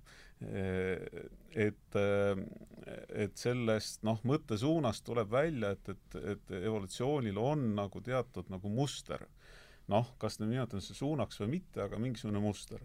nii, selgitan. et äh, proovige nüüd jälgida, et maakera on äh,, kuulajatele ka, et, et umbes neli koma kuus miljardit, miljardit aastat vana, on ju. nii. sellise äratuntava pallina siis? jah, just nii, elujäljed on juba umbes nelja miljardi peal on leitud, nii et suht varsti noh, juba midagi oli nüüd ja enamuse ajast siis elu arenes vees, noh, tänapäeva teadmiste kohaselt. et, et maale tuli ta alles hiljem. ja nüüd, mis on siis väga huvitav, on see, et et kaks kolmandikku siis maakera elueast ehk siis umbes mingisuguse ühe koma kuue, ühe koma seitsme miljardi aasta taguse ajani olid olemas ainult bakterid ehk siis eeltuumsed. Ütle mulle palun veel aastat, millal, millal no ütleme nii, et, et selline suur pööre tekkis umbes üks koma seitse miljardit aastat tagasi. siis tuli bakteritest, läks edasi? just, jah. -hmm ja, ja olidki bakterid ja siis nad toimetasid oma, omi asju seal, et, et ühed siis õppisid fotosünteesima ehk siis päiksevalgust kasutama ja noh, nii-öelda hapnikku eritama, CO2 kasutama. teised ja bakterid on meil eeltuumsed? eeltuumsed, jah. Ja, ja teised õppisid hingama, ehk siis sedasama hapnikku kasutama toitainete lõhustamiseks, kolmandad kääritasid, mis on noh, tegelikult nagu kõige algsem protsess või noh, kääritamise tüüpi energia saamine. Nii ja, ja noh, võib öelda, et midagi eriti ei juhtunud siis, et, et noh, elasid seal oma elu, kes seal fotosünteesis, kes hingas, üks sõi teist, teine lasi ennast süüa, on ju, noh, nagu ütleme nii, et segas oma suvila? ei no see jah, ja, ja, ja noh, samas Bakter, noh, kujutame ette, maa oli tühi, ookean oli täis baktereid ja, ja noh, nagu raske ette kujutada isegi, noh, ei mingisuguseid kalasid, vaalu, noh, mitte midagi, on ju lihtsalt noh, selline täiesti igav elu minu arust. Ja, ja telekas midagi vaadata ei ole midagi, jah Need bakterid vist ei ole ka näha, nad on nii väiksed. üli, üli, üliigav saade. no täpselt, vot täpselt. sellepärast polnud ka televisiooni jõuamegi märksõnani igavus. nii, mis on minu arust väga oluline. et, et ja siis üks koma seitse miljardit aastat tagasi umbes juhtus see, et noh, nagu sõna otseses mõttes, et me ei tea keegi, mis põhjustel aga noh, täiesti reaalselt siis ühed bakterid kolisid teiste sisse elama. Ehk siis need hingavad bakterid läksid äh, noh, nagu suuremad mm. see on nüüd see üks koma seitse miljardit, jah? jah, jah. ja, ja nad elavad seal siiamaani, meie kõikides rakkudes. Need on siis mitokondrid, kes siis meile energiat toodavad. et neil on omaette DNA, nad on nagu, nagu natuke nagu erinevad organismid, aga nad elavad meie rakkudes nii, ja, ja taimerakkudes on veel kloroplastid, kes olid siis e eelnevalt fotosünteesivad bakterid, et see on noh, nii-öelda täiesti mainstream äh, arusaam, seda nimetatakse endosümbioosiks, ja, ja see juhtus umbes üks koma seitse miljardit aastat tagasi. et siis tekkis siis see päris tuumne rakk, mis andis aluse nagu kõikide teiste organismide tekkele üldse mm. -hmm. nii. me jõuame Shakespeare'ile lähemale kõvasti, eks ole, on ju? on või? noh, selles mõttes see juhuslikkus ja kõik see just nimelt vot, ja siis noh, nii-öelda kiirelt edasi, et, et, et, et noh, on vaadeldav selline muster, et on noh, nii-öelda mingid erinevad noh, üksused, näiteks bakterid, kes on omavahel konfliktis, näiteks söövad üksteist või, või lasevad ennast, no igal juhul noh, see ei ole nagu selline noh, ma ei tea, mõnus koos eksisteerimine. nii, ja siis mingi hetk nagu tekib mingi situatsioon, et, et tekib nagu suurem tervik, kus nad hakkavad koostööd tegema, koos elama või noh, kuidas iganes ja, ja, ja noh, et kui me sealt edasi vaatame, et siis ongi, et, et, et noh, nagu siis nendest päris tuumsetest rakkudest noh, mingi hetk hakkasid moodustama sellised noh, kolooniad, siis mm, -hmm. siis noh, nii-öelda jällegi, et, et mingisugused noh, näiteks, et kes suutsid valgust eristada, noh, kolisid võib-olla sinna ja muutusid silmaks, noh, midagi umbes, on ju noh, viburid näiteks on enne vabalt elanud rakud või noh, need ripsmed äh, rakkude küljes. ja, ja, ja nii edasi, nii edasi, et, et noh, et, et ma lõpetan kohe ära, et ühesõnaga, et, et, et, et noh, selline muster on nagu vaadeldav, et, et et mingitel hetkedel noh, selline nagu koostöö on viinud järgmisele arengutasemele, nii. ja, ja, ja noh, et minu jaoks oli see selline suur ahaa, et et, et noh, et see on ka minu selline juhtmõte olnud umbes sellest ajast saadik, et, et ma olen nagu otsinud viise, et kuidas inimesed saaksid noh, nagu noh, midagi uut luua siis läbi, läbi koostöö. et, et aeg-ajalt on see õnnestunud, aeg-ajalt ebaõnnestunud, aga lihtsalt ma näen seda, et, et hästi palju noh, nagu selliseid sotsiaalseid tehnikaid on tänapäeval olemas otsustamiseks, juhtimiseks ähm,, projekti juhtimiseks, noh, mida iganes, et mis põhinevad siis noh, pigem koostööl, mitte konkurentsil, ütleme niimoodi hästi lihtsustatult. et, et, et sellepärast see on noh, nagu minu jaoks oluline olnud mm. -hmm. kordan nüüd üle veel seda, et põhilised verstapostid, et neli koma kuus eh, miljardit aastat on pall oma praegusel tunt-, olemas olnud, neli miljardit aastat on elu, elu olemas olnud ja üks koma seitse miljardit aastat tagasi kolisid siis ühed bakterid teiste sisse elama ja, ja need on siis mitokondrid ja, ja moodustusid päristuumsed rakud ja meie oleme siin kõik ju päristuumsete rakkude kolooniad praegu ka, eks, mingis, mingis just, mõttes. absoluutselt, ja vot seda ma tahtsin ka enne öelda, et, et lihtsalt, et kui ma sain aru, et kui noh, imeline või keeruline asi, asi on, on inimkeha, mis meil kõigil on, aga me ei mõtle selle peale, et see on nagu noh, minu arust nagu lihtsalt seda peaks iga päev tähistama. et, et, et me koosneme umbes noh, hinnanguliselt viiekümnest kuni sajast triljonist päristuumsest rakust mm. -hmm. inimkeha, jah ja ja üks rakk, Tanel ütles, et väga keeruline noh, nii-öelda organism või, või selline masinavärk või kuigi see sõna on võib-olla vale, et, et üks rakk on võrreldav noh, no umbes Tartu linnaga näiteks või võib-olla isegi Tallinnaga on suurem, noh, keerukuselt, noh, päriselt, kui võtta need komponendid mm, -hmm. teed, transport, kõik seal toimib. Nii, et kujutame ette, et, et meie sees on viiskümmend kuni sada triljonit, noh, näiteks Tartu linna nii, ja sellele lisaks on umbes sama palju bakterirakke, kes on väiksemad, noh, meie soolestikus ja kõrvadel ja nii edasi. ühesõnaga, ja kõik see toimib, me ei juhi mitte midagi sealt noh, okei okay,, me saame olla te-, tervislike eluviisidega ja nii edasi, aga me ei juhi mitte ühtegi rakku. jah, jah, see on väga niisugune tore tähelepanek, mis mulle ka pidevalt pähe torkab, et et mõelda endast kui rakkude ühiskonnast ja mõelda, et rakud on omaette organismid, omaette loomad. et tekib küsimus, et kes mina siin üldse olen, eks ole, ja, ja, ja see oled sa kuhugi jõudnud? ja ei, ei, muidugi ei ole. ja iga, iga rak-, iga raku sees, eks nagu Toomas ütles, on veel omaette organism, et see väike mitokonder on ka täitsa omaette loom, kes seal raku sees see elab. kolis, see rakk vist kolis teise ja, raku sisse elama, just, just, just, just. ja, ja noh, evoluts-, need ähm, DNA evolutsiooniteoreetikud, neile meeldib vahel nagu Dawkins vahel ju mängida selle mõttega, et et mõelda meist kui, kui suurtest robotitest, mille eesmärk on tegelikult lihtsalt seda DNA-d paljundada, et, et mm -hmm. DNA on tegelikult see see asi, mis, mis tahab paljuneda ja mis on päriselt nii-öelda vundament ja, ja meie oleme lihtsalt sellised rumalad robotid, mis seda DNA-d aitavad paljuneda. et noh, lihtsalt, et nii saab mõelda. ja, ja nüüd sa enne mainisid sellest äh, Sheldrake'ist ja, ja väikeste aktsioomide kangutamisest ja kuidas inimesed lähevad murelikuks, kui nende aksioome kangutatakse ja, ja noh, selleks on omad head põhjused. omad head põhjused, jah. väga palju seda ei ole ilmselt mõtet teha, see ei ole enam efektiivne, siis seesama Toomase koostöö hakkab ära lagunema, aga aga natuke jällegi on tore. ja mulle ka meeldib natukene kangutada igast suunast, et ma ise kangutan enda küljest ka asju.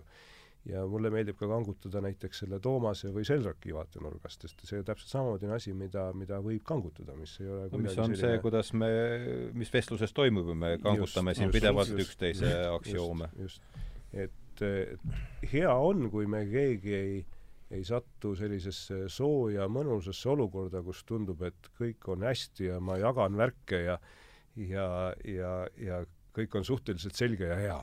Et see on halb olukord minu meelest, et parem on selline kerge mure või, või probleemi tekitamine vahepeal, noh, mida jällegi liiga palju ei peaks olema, aga, aga natukene ikkagi niimoodi, et et sa ei oleks kunagi päris rahul, et sa ei oleks ka päris rahul sellesama positiivse Gaia hüpoteesiga, eks ole, vaataks, mis siis noh, äkki seal on midagi puudu või midagi me saaks edasi teha, eks, ja Toomas rääkis edasiehitamisest. Ja mina arvutiteadlasena olen muidugi natuke selles noh, arvutiteadlaste suhteliselt harilikus pundis, kes mõtlevad natuke niimoodi, et et noh, hea oleks ehitada mingisugune suurem süsteem, et et meil on siin inimkond küll ja, ja see töötab täitsa ägedalt, aga me võiks ju ehitada mingi tehisintellekti teeks palju võimsama intellekti. no ma ei usu, et me seda niipea suudame teha, et see väga ruttu läheb, aga pikemas perspektiivis olen mina selle koha pealt optimist, et mina loodan, et me suudame seda teha ja ma loodan, et see on suur hüpe, järgmine suur hüpe. Ja võib-olla me ei saa sellest suurest hüppest ise kunagi aru. et võib-olla juhtub nii, et me teeme niisugust tehisintellekti ja me tegelikult ei mõistagi. kui me oleme seda teinud umbes nii, nagu nagu rakud ilmselt ei mõista, et nad on inimese sees, et nad ei jaga, et mida inimene täpselt teeb, et see jääb talle arusaamatuks ja ma arvan, ka mitokondrile jääb veidi arusaamatuks, et mida see, mida see rakk, mille sees tema on parasjagu teeb, eks.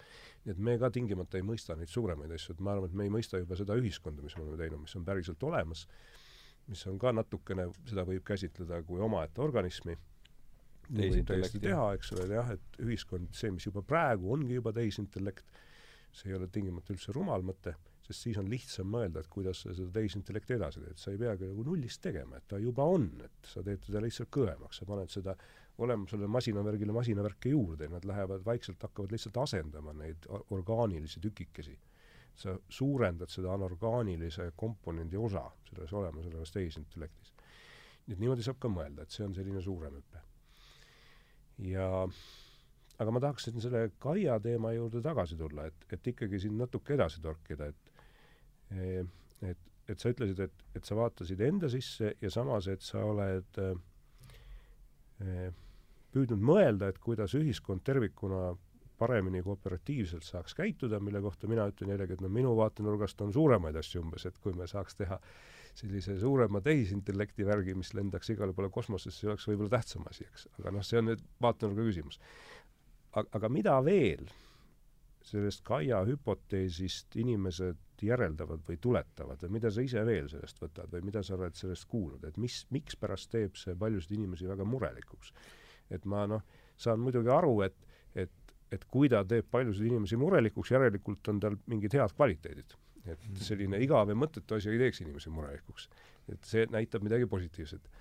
ja samas, mis võib teha murelikuks, on, on ilmselt siis selline polaarsuse süvenemise potentsiaal sellel. vaata, sa ise ka rääkisid, et et kui sa töötasid looduskaitsjana, siis automaatselt sul looduskaitsjana tekib tunne, et mina nüüd kaitsen loodust ja siis teised mingid hävitavad ja see tekitab ju sellise polaarse tunde, et noh, et on nagu head jõud ja halvad jõud või, või ja, ja need siis omavahel võitlevad, noh, see on selline klassikaline standardmõte, mis on ilmselt meile pähe kõikidele sisse ehitatud, nii me kaldume mõtlema. Zoroastrismist just, et see on lihtsalt on selline, no ta ei ole sealt pärit, ma arvan, zoroastrism on sellest baasmõttest pärit. see on lihtsalt, sa laiendad no seda meile, mõtlemismehhanismi ja, universumile. üks esimesi ja, ja. dokumenteerituid. just, et sa laiendad seda universumile saad sellise bipolaarse vaate ehm, ja noh, see bipolaarne vaade on alati natuke ohtlik, et see on see põhjus, mikspärast inimesed kardavad näiteks islamit, et kuna ta väga selgelt võtab sellise polaarse vaate, et on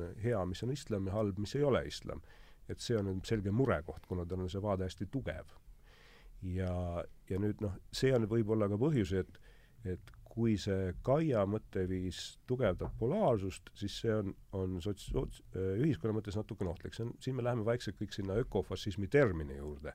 et, et, et selgelt, et see, et on olemas selline termin nagu ökofašism, näitab, et, et see tekitab muret. et intensiivne looduskaitse tekitab paljudes inimestes ootamatult muret, muidu sellist terminit ei oleks ja ma ise emotsionaalselt olen natuke selles samas suunas, et ma ei ole juhuslikult roheline, et mulle meeldib selline selline suund, eks, aga ma saan ka sellest murest aru, sest teisest küljest näiteks kui sa oled noh, oletame eluaeg elanud, olnud metsamees, sa eladki seal rohkem palju kui meie, meie elame siin linnas, eks, aga metsamees võib-olla on palju metsas, langetab puid ja siis ta pärast muutub töösturiks, kui tal hästi on läinud oma äris, ja, ja ta ühest küljest tajub, et tema ongi nagu tegelikult see, kes on metsaga sümbioosis, ja mitte meie, kes me oleme linnas, ja teisest küljest ta saab aru, et et see majandus, mida ta seal üles ehitab, annab paljudele inimestele tööd ja leiba ja, ja, ja see on õige asi. Ja nüüd tulevad need ökofašistid ja hakkavad siis seda takistama. ja see on võib-olla täpselt vastupidine vaade, et võib-olla tema näeb seda kui sellist positiivset jõudu endas ja negatiivset jõudu teistes. nii et see polariseerumise koht tekib siin, ma ei ütle, et see on ühest küljest hea või halb, aga see on selgelt huvitav mm. -hmm. et kas, kuidas sinu tunne selle koha pealt on? jah, siin nüüd oli päris, päris mitu asja, et, et noh, okei okay., et, et, et sinu kirjeldus sisaldas hulga selliseid noh, nagu hästi laetud sõnu, on ju. meelega, meelega. jah ja., väga hea, et mis, mis nagu tekitavad emotsio-, tekitavad emotsioone ja käivitavad. et ma siinkohal nagu tahangi siis tähelepanu juhtida sellele, et et just nimelt sellisele sõnajõule, et et kui keegi ütleb ökofašist, on ju, et, et siis noh, ma ütlen niimoodi selgelt ja kõvasti, ökofašist, ja, ja kuulaja, palun tunneta, mis mõtteid ja tundeid see sinus tekitab. et, et ilmselt see ei jäta nagu enamusi inimesi külmaks, et on hästi sellised laetud sõnad. Ja... F-sõna on meil see viimane ütleme, kui me rääkisime siin pimeduse ja valguse, headuse, kurjuse mm -hmm. võitlusest, siis F-sõna on praegu meie kultuuris see, see fašism siis nimelt, on see, mis võtab selle noh, no näiteks üks et, sõna selle kurjuse, see on kurjuse enda kurjuse kehastus meie jaoks praegu. just, ja, ja, ja lihtsalt ma tahan tähelepanu juhtida, et, et, et võib-olla näiteks sellise sõna kuulmise järel, et, et sul nagu peatus mõtlemine. Ehk et, et sa noh, reageerisid sellele kohe. Ja, ja kõik ülejäänud mõtted tulevad siis sellest emotsioonist, mis sa tundsid et, et aga, aga me tahame siin on ju arutada asjade üle mm. -hmm. et näiteks noh, ma võin, võin selle ka hoopis vastupidi keerata ja öelda, et, et, et noh, et mis mõttes või noh, et, et me üldse sellist sõna kasutame, et kui me lihtsalt jälle vaatleme näiteks metsas toimuvat, et, et mets kasvab kenasti, linnud laulavad või elavad seal, on ju, karu võib-olla on oma koopas või mida iganes, nii kõik on tore ja äkki ühel päeval sõidavad kohale, on ju, siis sellised suured, noh, nagu ma ütleks siis sõjamasinad, on ju, ja, ja mürisevad, keegi midagi lindude ja karuga ei räägi ja, ja lihtsalt hävitatakse nende kodu ära. nii, kuidas me seda nimetame? progressiks. terrorism. progress on ökoterrorism võib-olla. on selle asja on ju, et kuidas seda no kui... just nimelt nimetame progressiks tihtipeale, ehk, ehk see on siis nagu selle hea ja kurja mõttes hea, on ju, nii aga kui me kui seda... sa oled, eh, lähtud teatud aktsioomidest jah, aga kui me seda olukorda noh, vaatleme näiteks mingi marslasena, siis me lihtsalt näeme seda, mida ma kirjeldasin, ehk siis et, et on mets, siis tulevad mingid masinad, lõikavad selle maha, lähevad minema.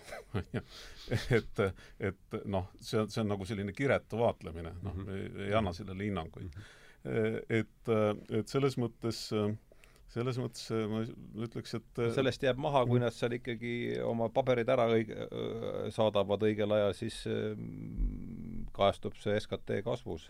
no nii, aga kui mida nad seal päris niimoodi pimedal oma neid no, karu ei peleta. okei okay,, aga nüüd, kui ma mängin seda marslase mängu edasi, see on muuseas väga kasulik mäng, et, et proovida vaadelda marslasena siin maa peal toimuvat et, et nii, et SKT, noh, palun seleta mulle, et mis, mis, mis maailm nüüd siis sellest kasu sai, et see, see mets maha lõigati, et?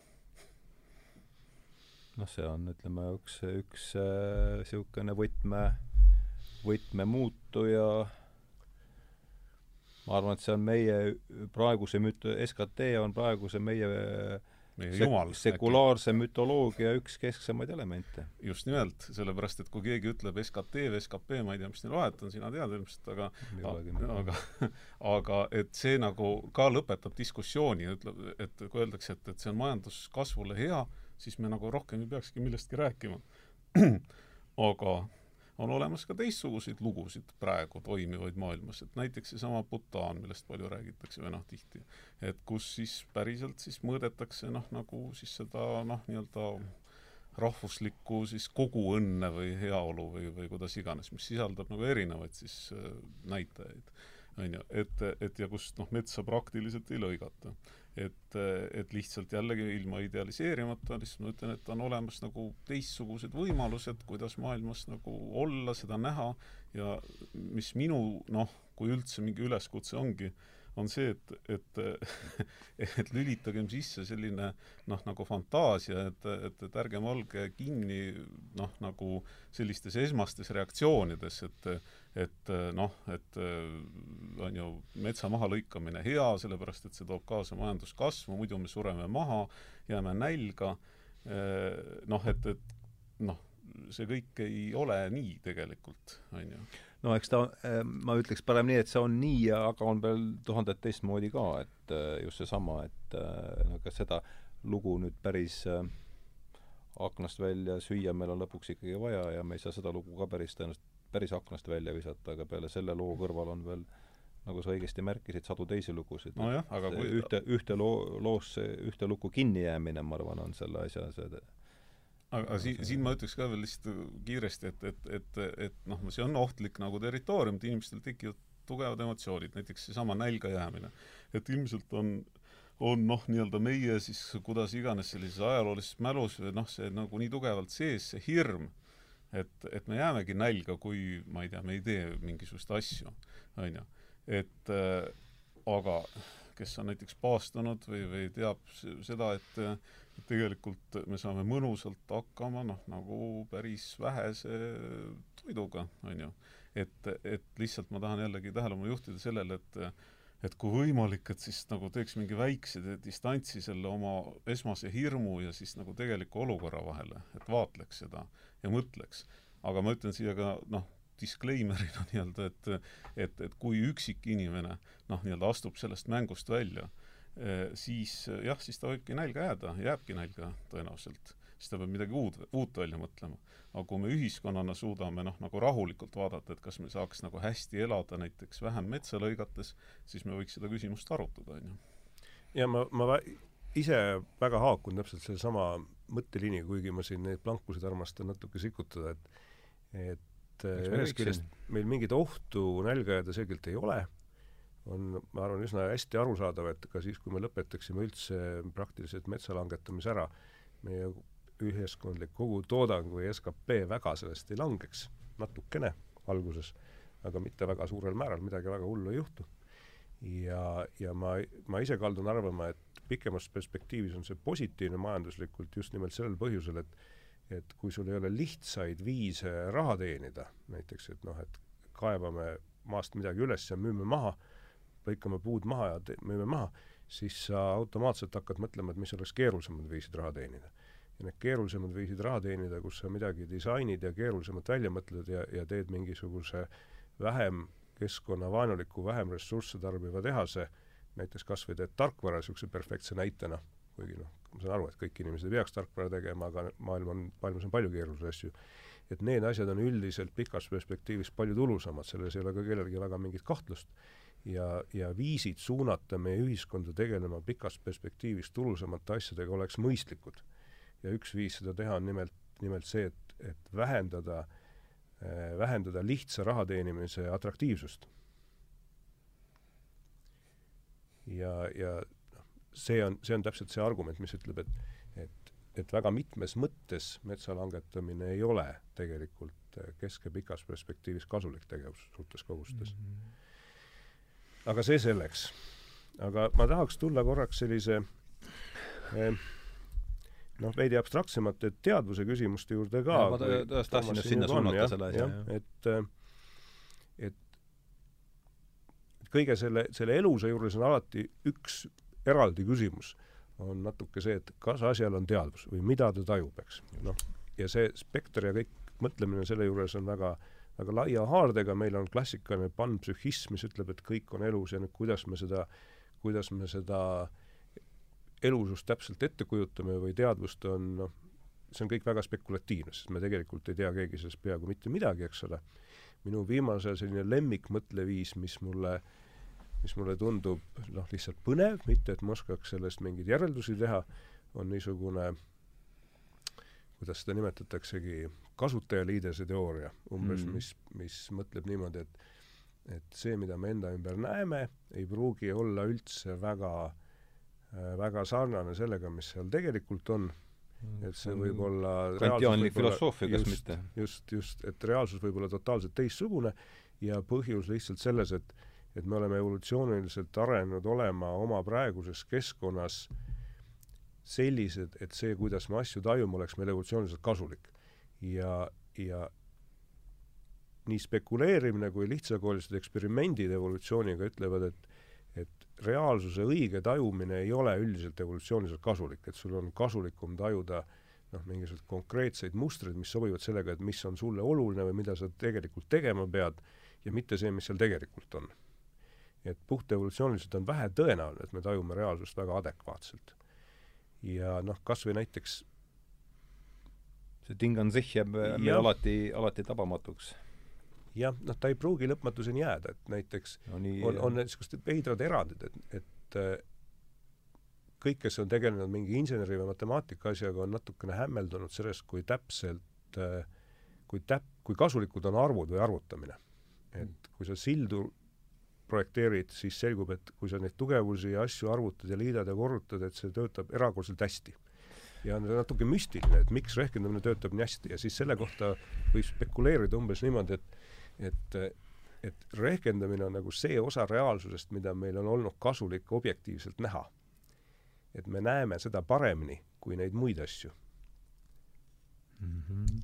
selle kohta ütleb Tarnas üks väga huvitav lause on tal see, et teadusrevolutsioon säilitab tegelikult äh, platonistliku äh, onto-, ontoloogia hierarhia, et noh, Platonil oli, eks see, et et kõik on, mis siin on varjuteater, aga et me mm, mm. et reaalsed asjad on seal mm. vormide maailmas, et meil on seesama mõte on see, et see, mida me siin enda ümber näeme, on ikkagi varjuteater, et reaalne on see matemaatiline struktuur jah, sinnapoole. Taneli, Taneli taga tegelikult. ma näen Tanelit, see on jah. kõik üks miraaž, tegelikult on seal see matemaatiliselt kirjeldatav tsibiputinite supp, mida ma näen, näen Tanelina. see võib ka olla, see võib ka olla ainuke osa, eks, seal võib ka olla muid asju. aga võib-olla lihtsalt see on üks osa, mida, mida me näeme adekvaatsemalt kui muid e,.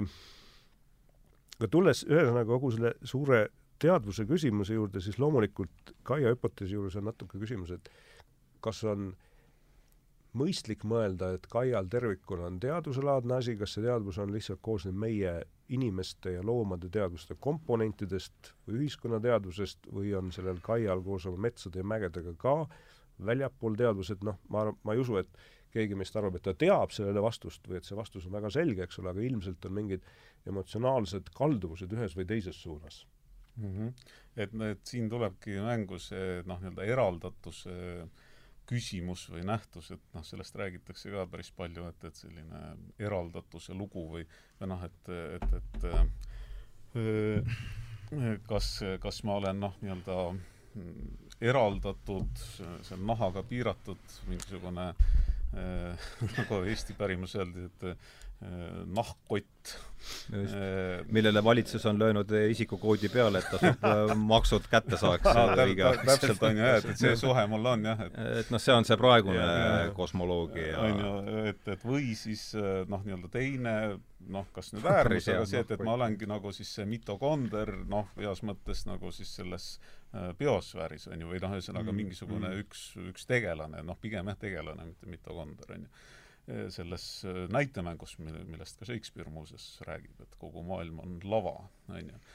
aga et mis teadvust puudutab, et siis eh, üks tippbio-, bioloog Robert Lantsa on siis kirjutanud vähemalt kaks raamatut, võib-olla rohkem, ja tema esimene raamat oli siis Biotsentrism ja see on ka eesti keeles ilmunud miks ma rõhutan, et ta on tippbioloog, et ta tegeleb noh, väga, väga sügaval tasemel siis näiteks tüvirakkudega ja põhimõtteliselt ongi mingid kunstlikke ütle, ütle palun nimi veel. Robert Lantsa, C-tähega mm. -hmm kunstlikke silmi suutnud juba noh, nagu, nagu kasvatada või noh, ühesõnaga, et teda ei saa süüdistada noh, nagu selles, et ta ei tea bioloogiast suurt midagi ja siis hakkab filosofeerima, on ju et, et, et tema noh, see biotsentrismi üks põhisõnumeid ongi see, et et, et täiesti noh, kainelt objektiivselt äh, vaadates, uurides meie tajusid, äh, saame me öelda seda, et, et, et mõnes mõttes silmad ei näe mitte midagi, kõrvad ei kuule mitte midagi,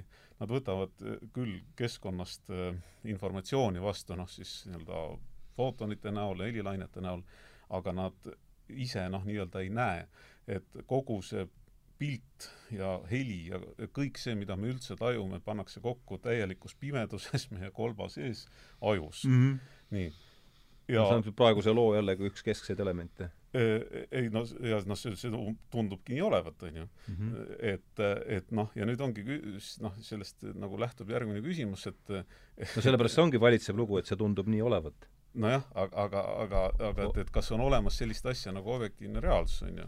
et, et kui, kui kõik need pildid pannakse meie noh, siin pimedas kolbas kokku ja siis noh, ongi selline termin nagu on siis konsensusreaalsus, et me nagu peame milleski kokku leppima, et üldse noh, opereerida, et, et näiteks siin, et mina teadsin täna, et tulla Lauteri kolm, on ju, noh, ma tean üldse, mis asi on see aadress ja siin on mingi maja ja mm, -hmm. ja, ja, ja nii edasi, et, et me suudame noh, nagu mõnusalt siin kokku saada ja hakata filosofeerima filosofeerima, on ju. et aga, aga see võib olla nagu puhas kokkulepe.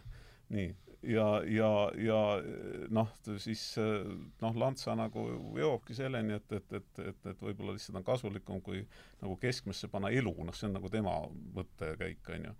biotsentrism, nagu elukesksus. et, et, et see nagu selgitab noh, nagu rohkem selline lugu. ma püüdsin siit kaks mõtet mm. -hmm. et üks oli, see mulle väga meeldis, et et kui kui, kui me mõtleme just selle konsensusreaalsuse koha pealt, nagu sa räägid, ja, ja et meil ei ole objektiivselt võimalik aru saada, et mis on asjade taga, siis see tundub olevat lihtsalt praktiline lähenemine, et mm, -hmm. et mhm. võtta see bioloogia sinna keskesse ja teisest küljest, kui sa niimoodi vaatad, siis siis see, kuidas me asju näeme või tajume, ilmselgelt sõltub sellest keskkonnast, kus me oleme, et kui meil ei oleks neid maju ja, ja sellest kultuurist, kust me ja tuleme. sellest kultuurist ja kõigest sellest, eks ole, ja see tähendab ka seda, et et seesama, mismoodi maa just on, et siin on selline küllalt kõva pinnas ja vedelik ja õhk meie ümber ja see värk, et ta satub selline olema, et see, kuidas me asju tajume, sõltub ka otseselt sellest, et kui me oleksime mingis väga teistsuguses keskkonnas, umbes mingis Jupiteri gaasilises püdelas olekus, siis me näeksime asju ilmselt väga teistmoodi. et ja me ei et see- oleks niimoodi just, just. et seesama oleks konsensusreaalsus oleks teistsugune. ja, ja selles mõttes see konsensusreaalsuse sees on seesama füüsiline keskkond. seesama Kaia asi on nagu selle sees, et, et ma saan aru, et see, mis sa ütled, on natuke, et et, et see konsensusreaalsus ei ole sõltumatu sellest samast äh, maast, mille peal me oleme. sest me oleme ju viimase nelja miljardi aasta vältel ole, on meil see ühine pinnas arusaamine tekkinud, eks. See on ju kõik, see neli miljardit jah, on seal jah. sees. jah, see on seal sees, jah. aga noh, siin noh, kui siin juba läks, on ju mõned küll arvavad, et kuuskümmend, kuuskümmend kaheksa Pariis oli see, kus kõik pihta hakkas, et, aga et no just nimelt, või siis kuus tuhat aastat tagasi, kui Jumal maailma lõi, on ju. et, et uuemad teooriad on, on Lähemale toonud. kuuskümmend kaheksa Pariis oli see, no kus vot, väga huvitav on ju, ja siin või mõned üldse noh, muuseas õpetan koolis ka, et, et siis noh, nagu väga huvitav on nagu tajuda seda, et, et noh, et minu praegused noh, vähemalt keskkooliõpilased ei ole kunagi elanud maailmas, kus pole internetti, on ju. et, et see on nagu fundamentaalselt teistsugune reaalsus. just. aga jah, et, et mis seda teadust veel puudutab, et, et ma, ma ühe mõiste tooksin veel sisse siia, et, et see eestikeelne väga lihtne sõna nagu lugu, et, et ja see puudutab ka neid plankusid ja uskumusi ja et noh, minul, minul on abiks lihtsalt niimoodi mõelda, et et me kõik nagu toimime läbi lugude.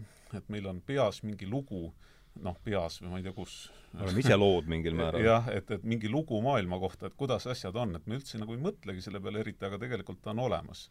nii. Ja, ja et see on noh, nagu, nagu nii sügaval mingisugune noh, see asi, mida me võib-olla nimetame minaks. ja, ja, ja, ja siis, kui keegi seda lugu, tükke sellest hakkab kangutama, vot see on nagu hirmus valus on ju, et, et sõna otseses mõttes, et nagu sa ütlesid, et mingi päästeparv ja keegi hakkab sealt mingisugust teine päev hakkab su nahkkotti tõmbama mm. No mida iganes jah, aga et see on kuidagi noh, et, et me ei mõtle selle peale, aga et, et kui keegi minu lugu ründab, et see on noh, vaata, et nagu kõige hullem asi, mis üldse saab olla. Ja ka, ka minu lugu, noh, ma mõtlen, ma ei sea ennast kuidagi e e e eraldi, et noh, et näiteks kui keegi ütleb, et, et, et, et Kaio hüpotees on täielik, on ju, jama ja ja, ja James Lovelock on mingisugune ebateadlane või, või, või Rupert Sheldrake või kes iganes, siis ma tunnen ennast väga puudutatuna, on ju, ja, ja proovin noh, nii-öelda oma lugu serveerida. Mm. jah, aga samas, et me koos, aga selleks, ma lihtsalt ütlen vahele, vabandust, et selleks, et me saaksime nüüd selle konsensusreaalsuseni jõuda, siis me peame ju pidevalt oma üksteise lugusid ründama. ei no kas mitte, mitte, mitte ründama, okei okay, no,, aga, aga no me pea-, need lood peavad kogu aeg põrkuma. Nad natuke tõukuvad ju alati. ründama ei ole jah hea sõna siin, aga see, see noh aga..., toimub mingi interaktsioon nende vahel. just nimelt, see on ainult, aga, aga noh, see, ja mis tähendab seda, et sa pead leppima sellega, et keegi tuleb jällegi sinu parve kallale. selleks, et see konsensusreaalsus saaks tekkida. aga miks inimkond on läbi, noh, kogu oma eksistentsi aja ilmselt nagu üks, nii peaaegu keel leiutati, üksteisele lugusid rääkinud, noh, see ongi võib-olla see, et, et seesama konsensusreaalsuse no, tekitamine. täpselt, ja siin lihtsalt jälle selline huvitav nagu fakt, et, et, et vähemalt noh, mitmed põlisrahvad näiteks laste kasvatamisel kunagi ei ütle talle, et, et nüüd sa tegid pahasti, on ju, noh, ma ei tea, mis sa te, tegid Määrist midagi ära või, või, või lõhkust midagi Määrisid džungli ära, noh. või, või, või noh, lõid kedagi, on ju. ilus džungel. no mida iganes, džungel on ka nende kodu, on ju. et, et, et ei, ei noh, nagu ütle otse, et, et noh, see on halb, on ju, ja ära nii tee, paha poiss või paha tüdruk, nii, vaid keegi midagi noh, teeb, mis nagu ei sobi hästi sellesse kultuuri ja nii edasi, et peaks nagu midagi suunama, siis räägitakse talle lugu. aga see lugu on noh, võib-olla mingist kojotist ja, ja mingisugust teistest asjadest ja nii edasi, ja siis noh, siis see laps jääb nagu mõtlema võib-olla, et see lugu hakkab kuidagi temas nagu elama ja ja siis mingi hetk no, võib-olla viib otsad kokku, on ju. ja need lood on müüdid ju. jah need, need lood, mida on, on lastele räägitud, et nad džunglit ei määriks no,, ongi ju müüdid lõpuks. ja lõpuks nad hakkavad nagu ühiskonnas edasi elama, jah ja lõpuks ja, ja see on jälle see teine Petersoni lause, mis on ülioluline, ma arvan, selles kogu selle mütoloogia kontekstis, on see, et everything that was forgettable was forgotten, see on enne kirjalikku mm. kultuuri mm., mm. kus on tohutu mm. mälumaht, see kogu pilv oli, eks ole, inimese mälu, mis oli mm-hmm. piiratud, mis tuli esitada siis seotud poeetilises vormis, et see kuidagi üldse saaks edasi kanduda ja just see, et kõik, mida oli võimalik unustada, unustati ära ja jäi järele. See, see on üks võimalus äh, ja tundub parem lugu mulle vähemasti kui mõni muu, et see, et see on see kontsentraat, mis, mis sealt tuleb no.. jah, see unustamise jõud on päris huvitav asi ja meil on seda praegu vähem. sest asjad ei lähe nii kergesti meelest ära, kui sa saad neid kirja panna väga lihtsalt. Mm,. ja kõik seal vedeleb seal netis ju jah, just, just seda tsiteeris eelmises saates, tähendab eelmises, mis nüüd kuuekümne kaheksandas saates viimases, mis välja pandi, tsiteeris Mihkel Kunderat, et põhilise, ma ei tea, põhilise eetika asemel on nüüd mingi, ma täpselt ei mäleta, aga et noh, ühesõnaga kõik see magab seal mingis ar-, arhiivi mm., kogu teadmine magab arhiivi ühetaolises ühishauas mingit äh, oma, oma und ja otsib sealt, et ja, aga ta... see põhilise eetika on see, seesama, et see müüdina edasi antud äh, käitumisjuhis sisuliselt. vabandust, patramas sa ütlesid ühishauas ja seda, et see kande-, arhiivi, arhiivi üheõiguslikus ühishauas magab, magab just, kogu teadmine. see on Kundera tsitaat. aga selle koha pealt mulle tekkis väike välgatus, et et võib-olla ta tõuseb sealt hauast üles. ja ma arvan, et, et see, see teadmine, mis on selles arhiivi hauas, tõuseb sealt kindlasti üles. siin me oleme praegu sellises perioodis, kus seda kogumist tehakse ja see, see teadmise või info ülestõudmine, mis on kirja pandud, me ei suuda seda veel hästi teha. siin, siin ma olen nüüd oma selle äh, tarkvarateaduse ja tehisintellekti haamri juures, kes automaatselt ütleb, et see tuleb üles äratada. See tuleb mm. elama panna. nii et, äh, et me oleme kuskil vahepeal, me selgelt oleme nende suurte hüpete vahepeal praegu nojah, aga mida see tähendab, et äh, üles ehitada, et ma ei noh nä-, nä-, kõige lihtsama näitena, kui sul on, äh, mida me kõik teame, kui sul on inimesed trobikondade kaupa ajanud üles kassipilte ja koerapilte, siis nende pealt saab panna masinõppe tegema, mis, mis suudab kassi ja koera ära tunda. kui neid pilte ei ole, siis sa ei saa mm. -hmm.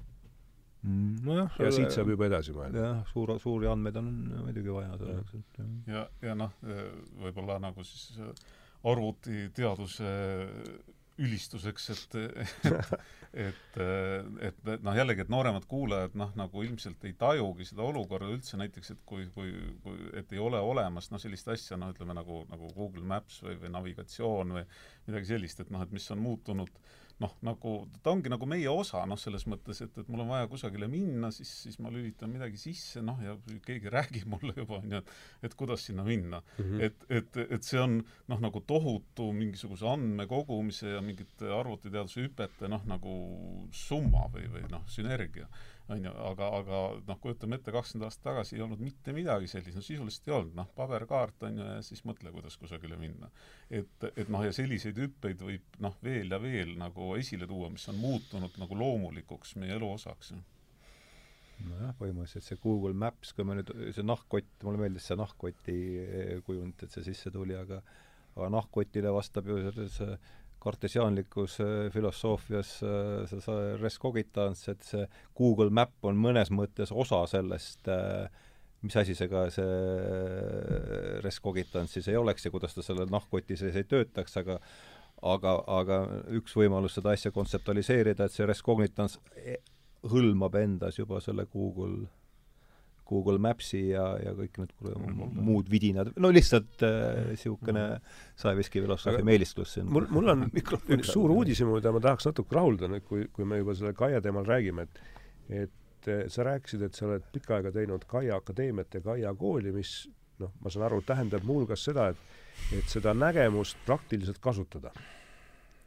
ja et sa kasutad seda praktiliselt õpetamise juures näiteks mm. -hmm. ja räägi sellest paar sõna, et mis on selle, selle taoline praktiline efekt? nojah, lihtsalt siia peab juurde mainima, et, et see siis ei ole noh, nii-öelda minu või, või meie otseselt välja mõeldud, vaid et selline asi nagu Kaia haridus on siis noh, praegusel kujul eksisteerinud aastast kaks tuhat viis, et see, et selle taga on siis üks selline suur noh, rahvusvaheline või ülemaailmne nagu õppekava, mis on kokku pandud siis noh, oma ala praktikute poolt ja sellest on hakanud asjad arenema. nii, aga, aga noh, et mis on praktilised näited, no ma näiteks toon ühe konkreetse näite, et, et see läheb muidugi pedagoogikasse. et jällegi omaette teemaga, et, et kuidas inimene üldse õpib ja mis asi on õppimine. et seda on nagu oluline aru saada, et et, et õppimine ei ole sooritus. sooritus on siis see, et, et sul on mingisugune väline stiimul, noh, näiteks eksam, ja, ja noh, piits ja präänik on ju, ja siis sa õpid selleks, sooritad ja siis noh, nagu uuringud näitavad, et, et keskkoolist noh, ma ei tea, mingi mõne aasta jooksul inimene on noh, päriselt mingisugune üheksakümmend protsenti nagu ära unustanud. nii, õppimine on, on nagu püsiv muutus noh, sinus, kas, kas see on sinu oskustes, see on kehalised oskused, need on noh, vaimsed oskused, noh, kontseptuaalsed, emotsionaalsed oskused, noh, kõik need erinevad intelligentsid ja see on püsiv muutus, mida sa suudad noh, nagu taasluua. nii ja konkreetne näide, noh näiteks on, on selline huvitav eh, meetod, et kuidas õpetada evolutsiooni, kuna me oleme sellest rääkinud.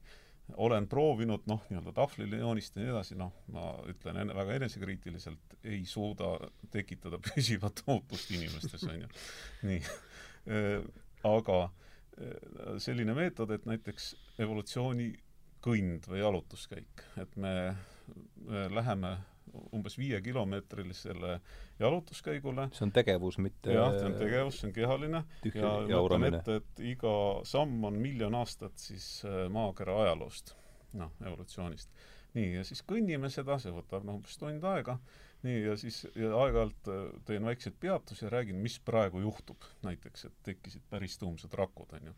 siis sealt sada miljonit aastat tagasi, edasi muuseas äh, alles tekkis selline asi nagu seks, väga huvitav on ju, suguline paljunemine, suhteliselt värske nähtus. nii, et, et ja see tekitab palju see tekitab kindlasti elevust, elevust, elevat huvi matka, rõõmsas matkaseltskonnas. no täpselt. ja, ja siis, kui me oleme selle tunni nagu läbi teinud, noh, matkanud ja rääkinud, noh siis, noh, ma võin nagu selles mõttes mürki võtta, et et, et midagi on meelde jäänud, et umbes, et et ahaa, et umbes seal kohas tekkis seks näiteks. noh, mida iganes selle faktiga peale hakata. Lähme vaatame seda kohta veel no just, lähme sinna tagasi et aga, aga noh, et, et, et läbi sellise kehalise kogemuse, läbi emotsionaalse kogemuse noh, noh, nagu inimene hakkab, mida, midagi nagu temas muutub. jah, noh, see on ju ütleme, see on nagu õpetamise see on me-, noh, see, see on pigem meetod, eks, ja aga aga tundub äh, niimoodi kõrvalt kuulates see või jääb kindlasti paremini külge. aga, aga no ütleme nii, et Tanel, sulle veel vastates lühidalt, et, et jah, et kogu see Kaia haridus noh, ikkagi põhineb sellel arusaamal üldjuhul, et et, et, et, et maakera nagu on teatud määral elus, me oleme selle osad, me oleme noh, mitte nagu tahtetud sellised noh, nii-öelda juhuse meelevallas, vaid et me saame ise midagi aktiivselt muuta läbi oma noh, mõtete, suhtumiste, läbi oma oskuste ja, ja noh, et, et, et, et noh, ma ei tea, siis nii-öelda siis natuke nagu huvitavamaks või mõnusamaks seda elu teha siin. noh, meil on kas või see lihtne mõttemäng. kui mul on kodus tellis ja ma äh, miskipärast mõtlen, et äh, et see tellis on elus nagu kassipoeg, noh, ma teen, võtan täiesti meelevalla, mitte et ma arvaks tingimata, mul ei ole esiteks kodus tellist ka mm,, aga mm. kui mul oleks kodus tellis ja ma arvan, et ta on elus, ma tõesti arvan, et ta on elus, siis ma tõenäoliselt käituksin temasse teistmoodi, suhtuksin temasse teistmoodi kui äh, kui sellesse tellisse, sellesse, mis, kui mul oleks kodus, kuidas ma siis temasse käituksin, et ma arvan, et see on äh,, eks see kehtib ju ka maakera kohta vast või. et noh, seal selgelt on, et kui see suhtumine ja, on ja. siiras ja, ja läbi tunnetatud, siis ta selgelt äh, muudab äh, suhtumist nii et niimoodi vaadates oleks see meile praktiliselt kasulik tõenäoliselt, eks, et me võiksime mõelda, et kui me mm -hmm kui me levitaksime sellist Kaia, Kaia religioonitaolist vaatenurka, noh, ma ei ütle, et ta on religioon, aga selle taoline, meie No ta- uskumus, et ta on elus, et meil ei ole selget põhjust ei, selleks, isegi ei põikaks sellest äh, Jah. sõnast kõrvale siin tingimata. jah, et, et siis siis me suudaksime ilmselgelt oma keskkonda paremini hoida ja vähendada riske, mida me teame, mis on ümberringi, eks ole, meil tekib selline noh, nagu moraalne sisemine kohustus neid riske maandada. Jah, et, et just nimelt, et ma proovin tõesti ka noh, nagu noh, ma, ma ütlen ka, ka oma noh, koolis või õppetundides, kus iganes, et mina räägin lugusid. Teie lihtsalt, kui te tahate, siis kuulake neid ja siis tehke nagu omad järeldused, et ma ei ütle, mis on tõde, mis on vale, kuna ma noh, nagu ei tea seda, on ju. aga, aga, aga et, et, et jah, et me kõik usume midagi, et noh, ütlesid, et et, et see nagu Kaia religioon, et noh, see nii-öelda uskumine, et ta on elus, nii okei. Okay,, lihtsalt selle noh, nii-öelda teisel poolel on siis uskumus, millest me noh, nagu üldjuhul kõva häälega ei räägi, et, et, et maakera ei ole elus, on ju. see on ka uskumus. just, no ega siin Daniel Dennett ütleb, et ka meie pole elus, elus, sellepärast et meil teadvust äh, pole, et see peas Jah. on, käib, käib meil ainult üks tead-, sellest me rääkisime, see on No, üks arvutisumin jah, peas. jah. mina ütleks selle kohta, et see on nagu väga tugev uskumus. Äh, mis on see ilmselgelt vasta, vastuolus isikliku kogemusega, sest No, äh, me, mitte tingimata, sest isikliku kogemusega saab kõike ühildada ja me teame, et et noh, sellised äh, paljud ütleme siis sellega, et kuidas mina isiklikku kogemust defineerin. paljud budismi vaated on täpselt analoogilised Tennetile, eks. Mm, räägi lähemalt, palun. et äh, et, et vaated või tundmused, et sinu isikut ei ole, et su isik on kadunud, on, on paljude budismi harude, seal on palju harusid, eks, paljude budismi harude selline baasasi, mida inimesed peaksid püüdma saavutada erinevatel põhjustel, ja, ja see on tegelikult äärmiselt sarnane sellele Tenneti Tenneti lähenemisele, et, et sellist äh, isiklik teadvus on mingis mõttes illusoorne, et ta ei eita, et see on, eks, aga ta ütleb, et see ei ole selline fundamentaalne asi. et ta on nagu ta on Descartesil, eks. jah, ta ei ole fundamentaalne, just see on põhiline no Descartesil ta on fundamentaalne, see on, see on see just- mille, mille ümber kõik käib. ja Tennetil ta ei ole fundamentaalne, eks, ja mm, -hmm. ja samamoodi nendes eh, noh, paljudes levinud budismiharudes ta nimelt ei ole fundamentaalne ja soovitus on ta kaotada, öeldes, et ta et ta annab selliseid äh, negatiivseid kaasmõjusid. et kui sa selle mittefundamentaalse asja ära kaotad, siis lähevad asjad sul paremaks. Nii et, nii et siin on noh, siin on võimalik ühildada peaaegu mida iganes mingite ringidega. nojah, aga ta on väike- jällegi väike aga nii-öelda ho hobi korras jälle noh, nii-öelda budismi kaitseks, et, Juhubudistina. ja jah, et, et, et tähendab, noh, ma olen ka niisuguseid harjutusi nagu teinud või noh, nagu ma ütlen, et ma nagu proovin uurida ka ennast seestpoolt, et, et, et mingi piirini täpselt kõik on õige, ehk et see mina, noh, needsamad need lood iseendast ja maailmast, et, et noh, et, et, et seda jah, nagu osa budismi harud ilmselt nagu soovivad, no nii-öelda, et sa näeksid läbi, et need on lood, on ju just, aga et, aga on selles, et, et selle all on noh, nagu see miski, see, mis ütleb, et mina olen, on ju. Mhm. noh, või lihtsalt isegi olen ilma minata. et see olemasolu tunne, et, et, et noh, et seda minu teada vähemalt budism nagu noh, pigem nagu, nagu erinevad ka siis religioonid või, või spirituaalsed siis suunad noh, pürgivad selle poole, et, et kui sa nagu seda tunned, et siis see ongi noh, nagu sellise maailma nagu noh, fundamentaalolemus või, või kuidas seda siis öelda, see, see olemasolu, et, et seda ei saa nagu ära võtta. ja mina saan ka niimoodi aru, see, peame nüüd hakkama, Tanel peab lennuki peale minema ja meil on siin kõigil tuleb, et huvitav oleks siin jah, jätkata siin võib-olla veel paarkümmend minutit, aga me peame nüüd viie minutiga selle asja koomale tõmbama, et mina saan ka niimoodi aru, et noh, budismis on ju see, jah, ma olen nõus sinuga, et aga et ikkagi usk on see või arusaamine on see, et selle, nende üksikute illusoorsete teadvuskeskuste kohal on see suurem, laiem teadvus, millest need siis ja, ja kuhu siis see üksikteadvus peaks justkui peaks justkui äh, sulanduma või millega ta peaks ühenduse saama, et Isegi- Descartes'i isegi mitte ma, ma tingimata, lõpetan lihtsalt, et Descartes'il, nii jällegi, no see on see, kuidas mina aru saan, ma ei väida, et see nii on. et Descartes'il on lihtsalt, on need piljardikuulikesed omaette ja midagi muud ei ole. et need ongi mm, need mm. ja Tennet ütleb, et nii palju, jällegi mina saan niimoodi aru, et Tennet ütleb, et ka neid piljardikuule ei ole. et see on, ammugi ei ole sealt väljaspool kuule mitte midagi, piljardikuu, aga et see, isegi see, mis seal piljardipalli sees Descartesil justkui toimub, ka seda pole olemas, see on lihtsalt see arvutisumin, et noh, lihtsalt see on see, kuidas mina, veel kord, kuidas ma aru saan ja see, kuidas ma aru saan, ei tähenda seda, et asjad nii on. jah, lihtsustatult ma arvan küll, aga, aga kuna ma püüaksin Tennetit igal hetkel natukene kaitsta alati, siis kuna ta on on arvutiteaduse jaoks sobival positsioonil. et seda... see on nagu ikka, et võiks seda nagu eraldi saate teha, võiks teha. et kui sa, kui sa mingi valdkonnaga oled palju tegelenud, siis noh, selle valdkonna jaoks on, nagu Toomas ütleb, suured lood, suured vaatenurgad ja, ja sellised funktsionalistlikud, tennetlikud vaatenurgad on sellised normaalsed, äh, mõistlikud vaatenurgad arvutiteaduse vaatenurgast mm, -hmm. täpselt nagu, nagu Toomase jaoks on teised mõistlikud vaatenurgad, eks ole. kasulik on neid tutvuda, nendega tutvust sobitada. ja ja, ja selles mõttes ma Tennetit automaatselt reflektoorselt alati natuke kaitsen, et et sa võid mõelda ka niimoodi, et, et et see piljardikuulide metafoor, mis on Descartes'il, et see on võib-olla liiga lihtsustatud. no kindlasti on. kui sa ütled, et noh, et siin on mingisugune mina ja see on nagu piljardikuul, et see see on äh,, ei ole mõistlik vaatenurk, sest see on liiga li-, ülelihtsustatud, eks, ja võib-olla Tennet ütleb sulle, et et see lihtsustatud vaatenurk kindlasti on, Taavas Ott, kui parem on unustada see ühte lausesse Descartesi kokku suruda. või see teadvuse mõte sellisena, nagu me tajume seda ära, sest see on, on liiga lihtne. et mm -hmm. reaalsus on kuidagi keerulisem, et sa ei saa teda kuidagi väga eristada, eks ole, ümbritsevast.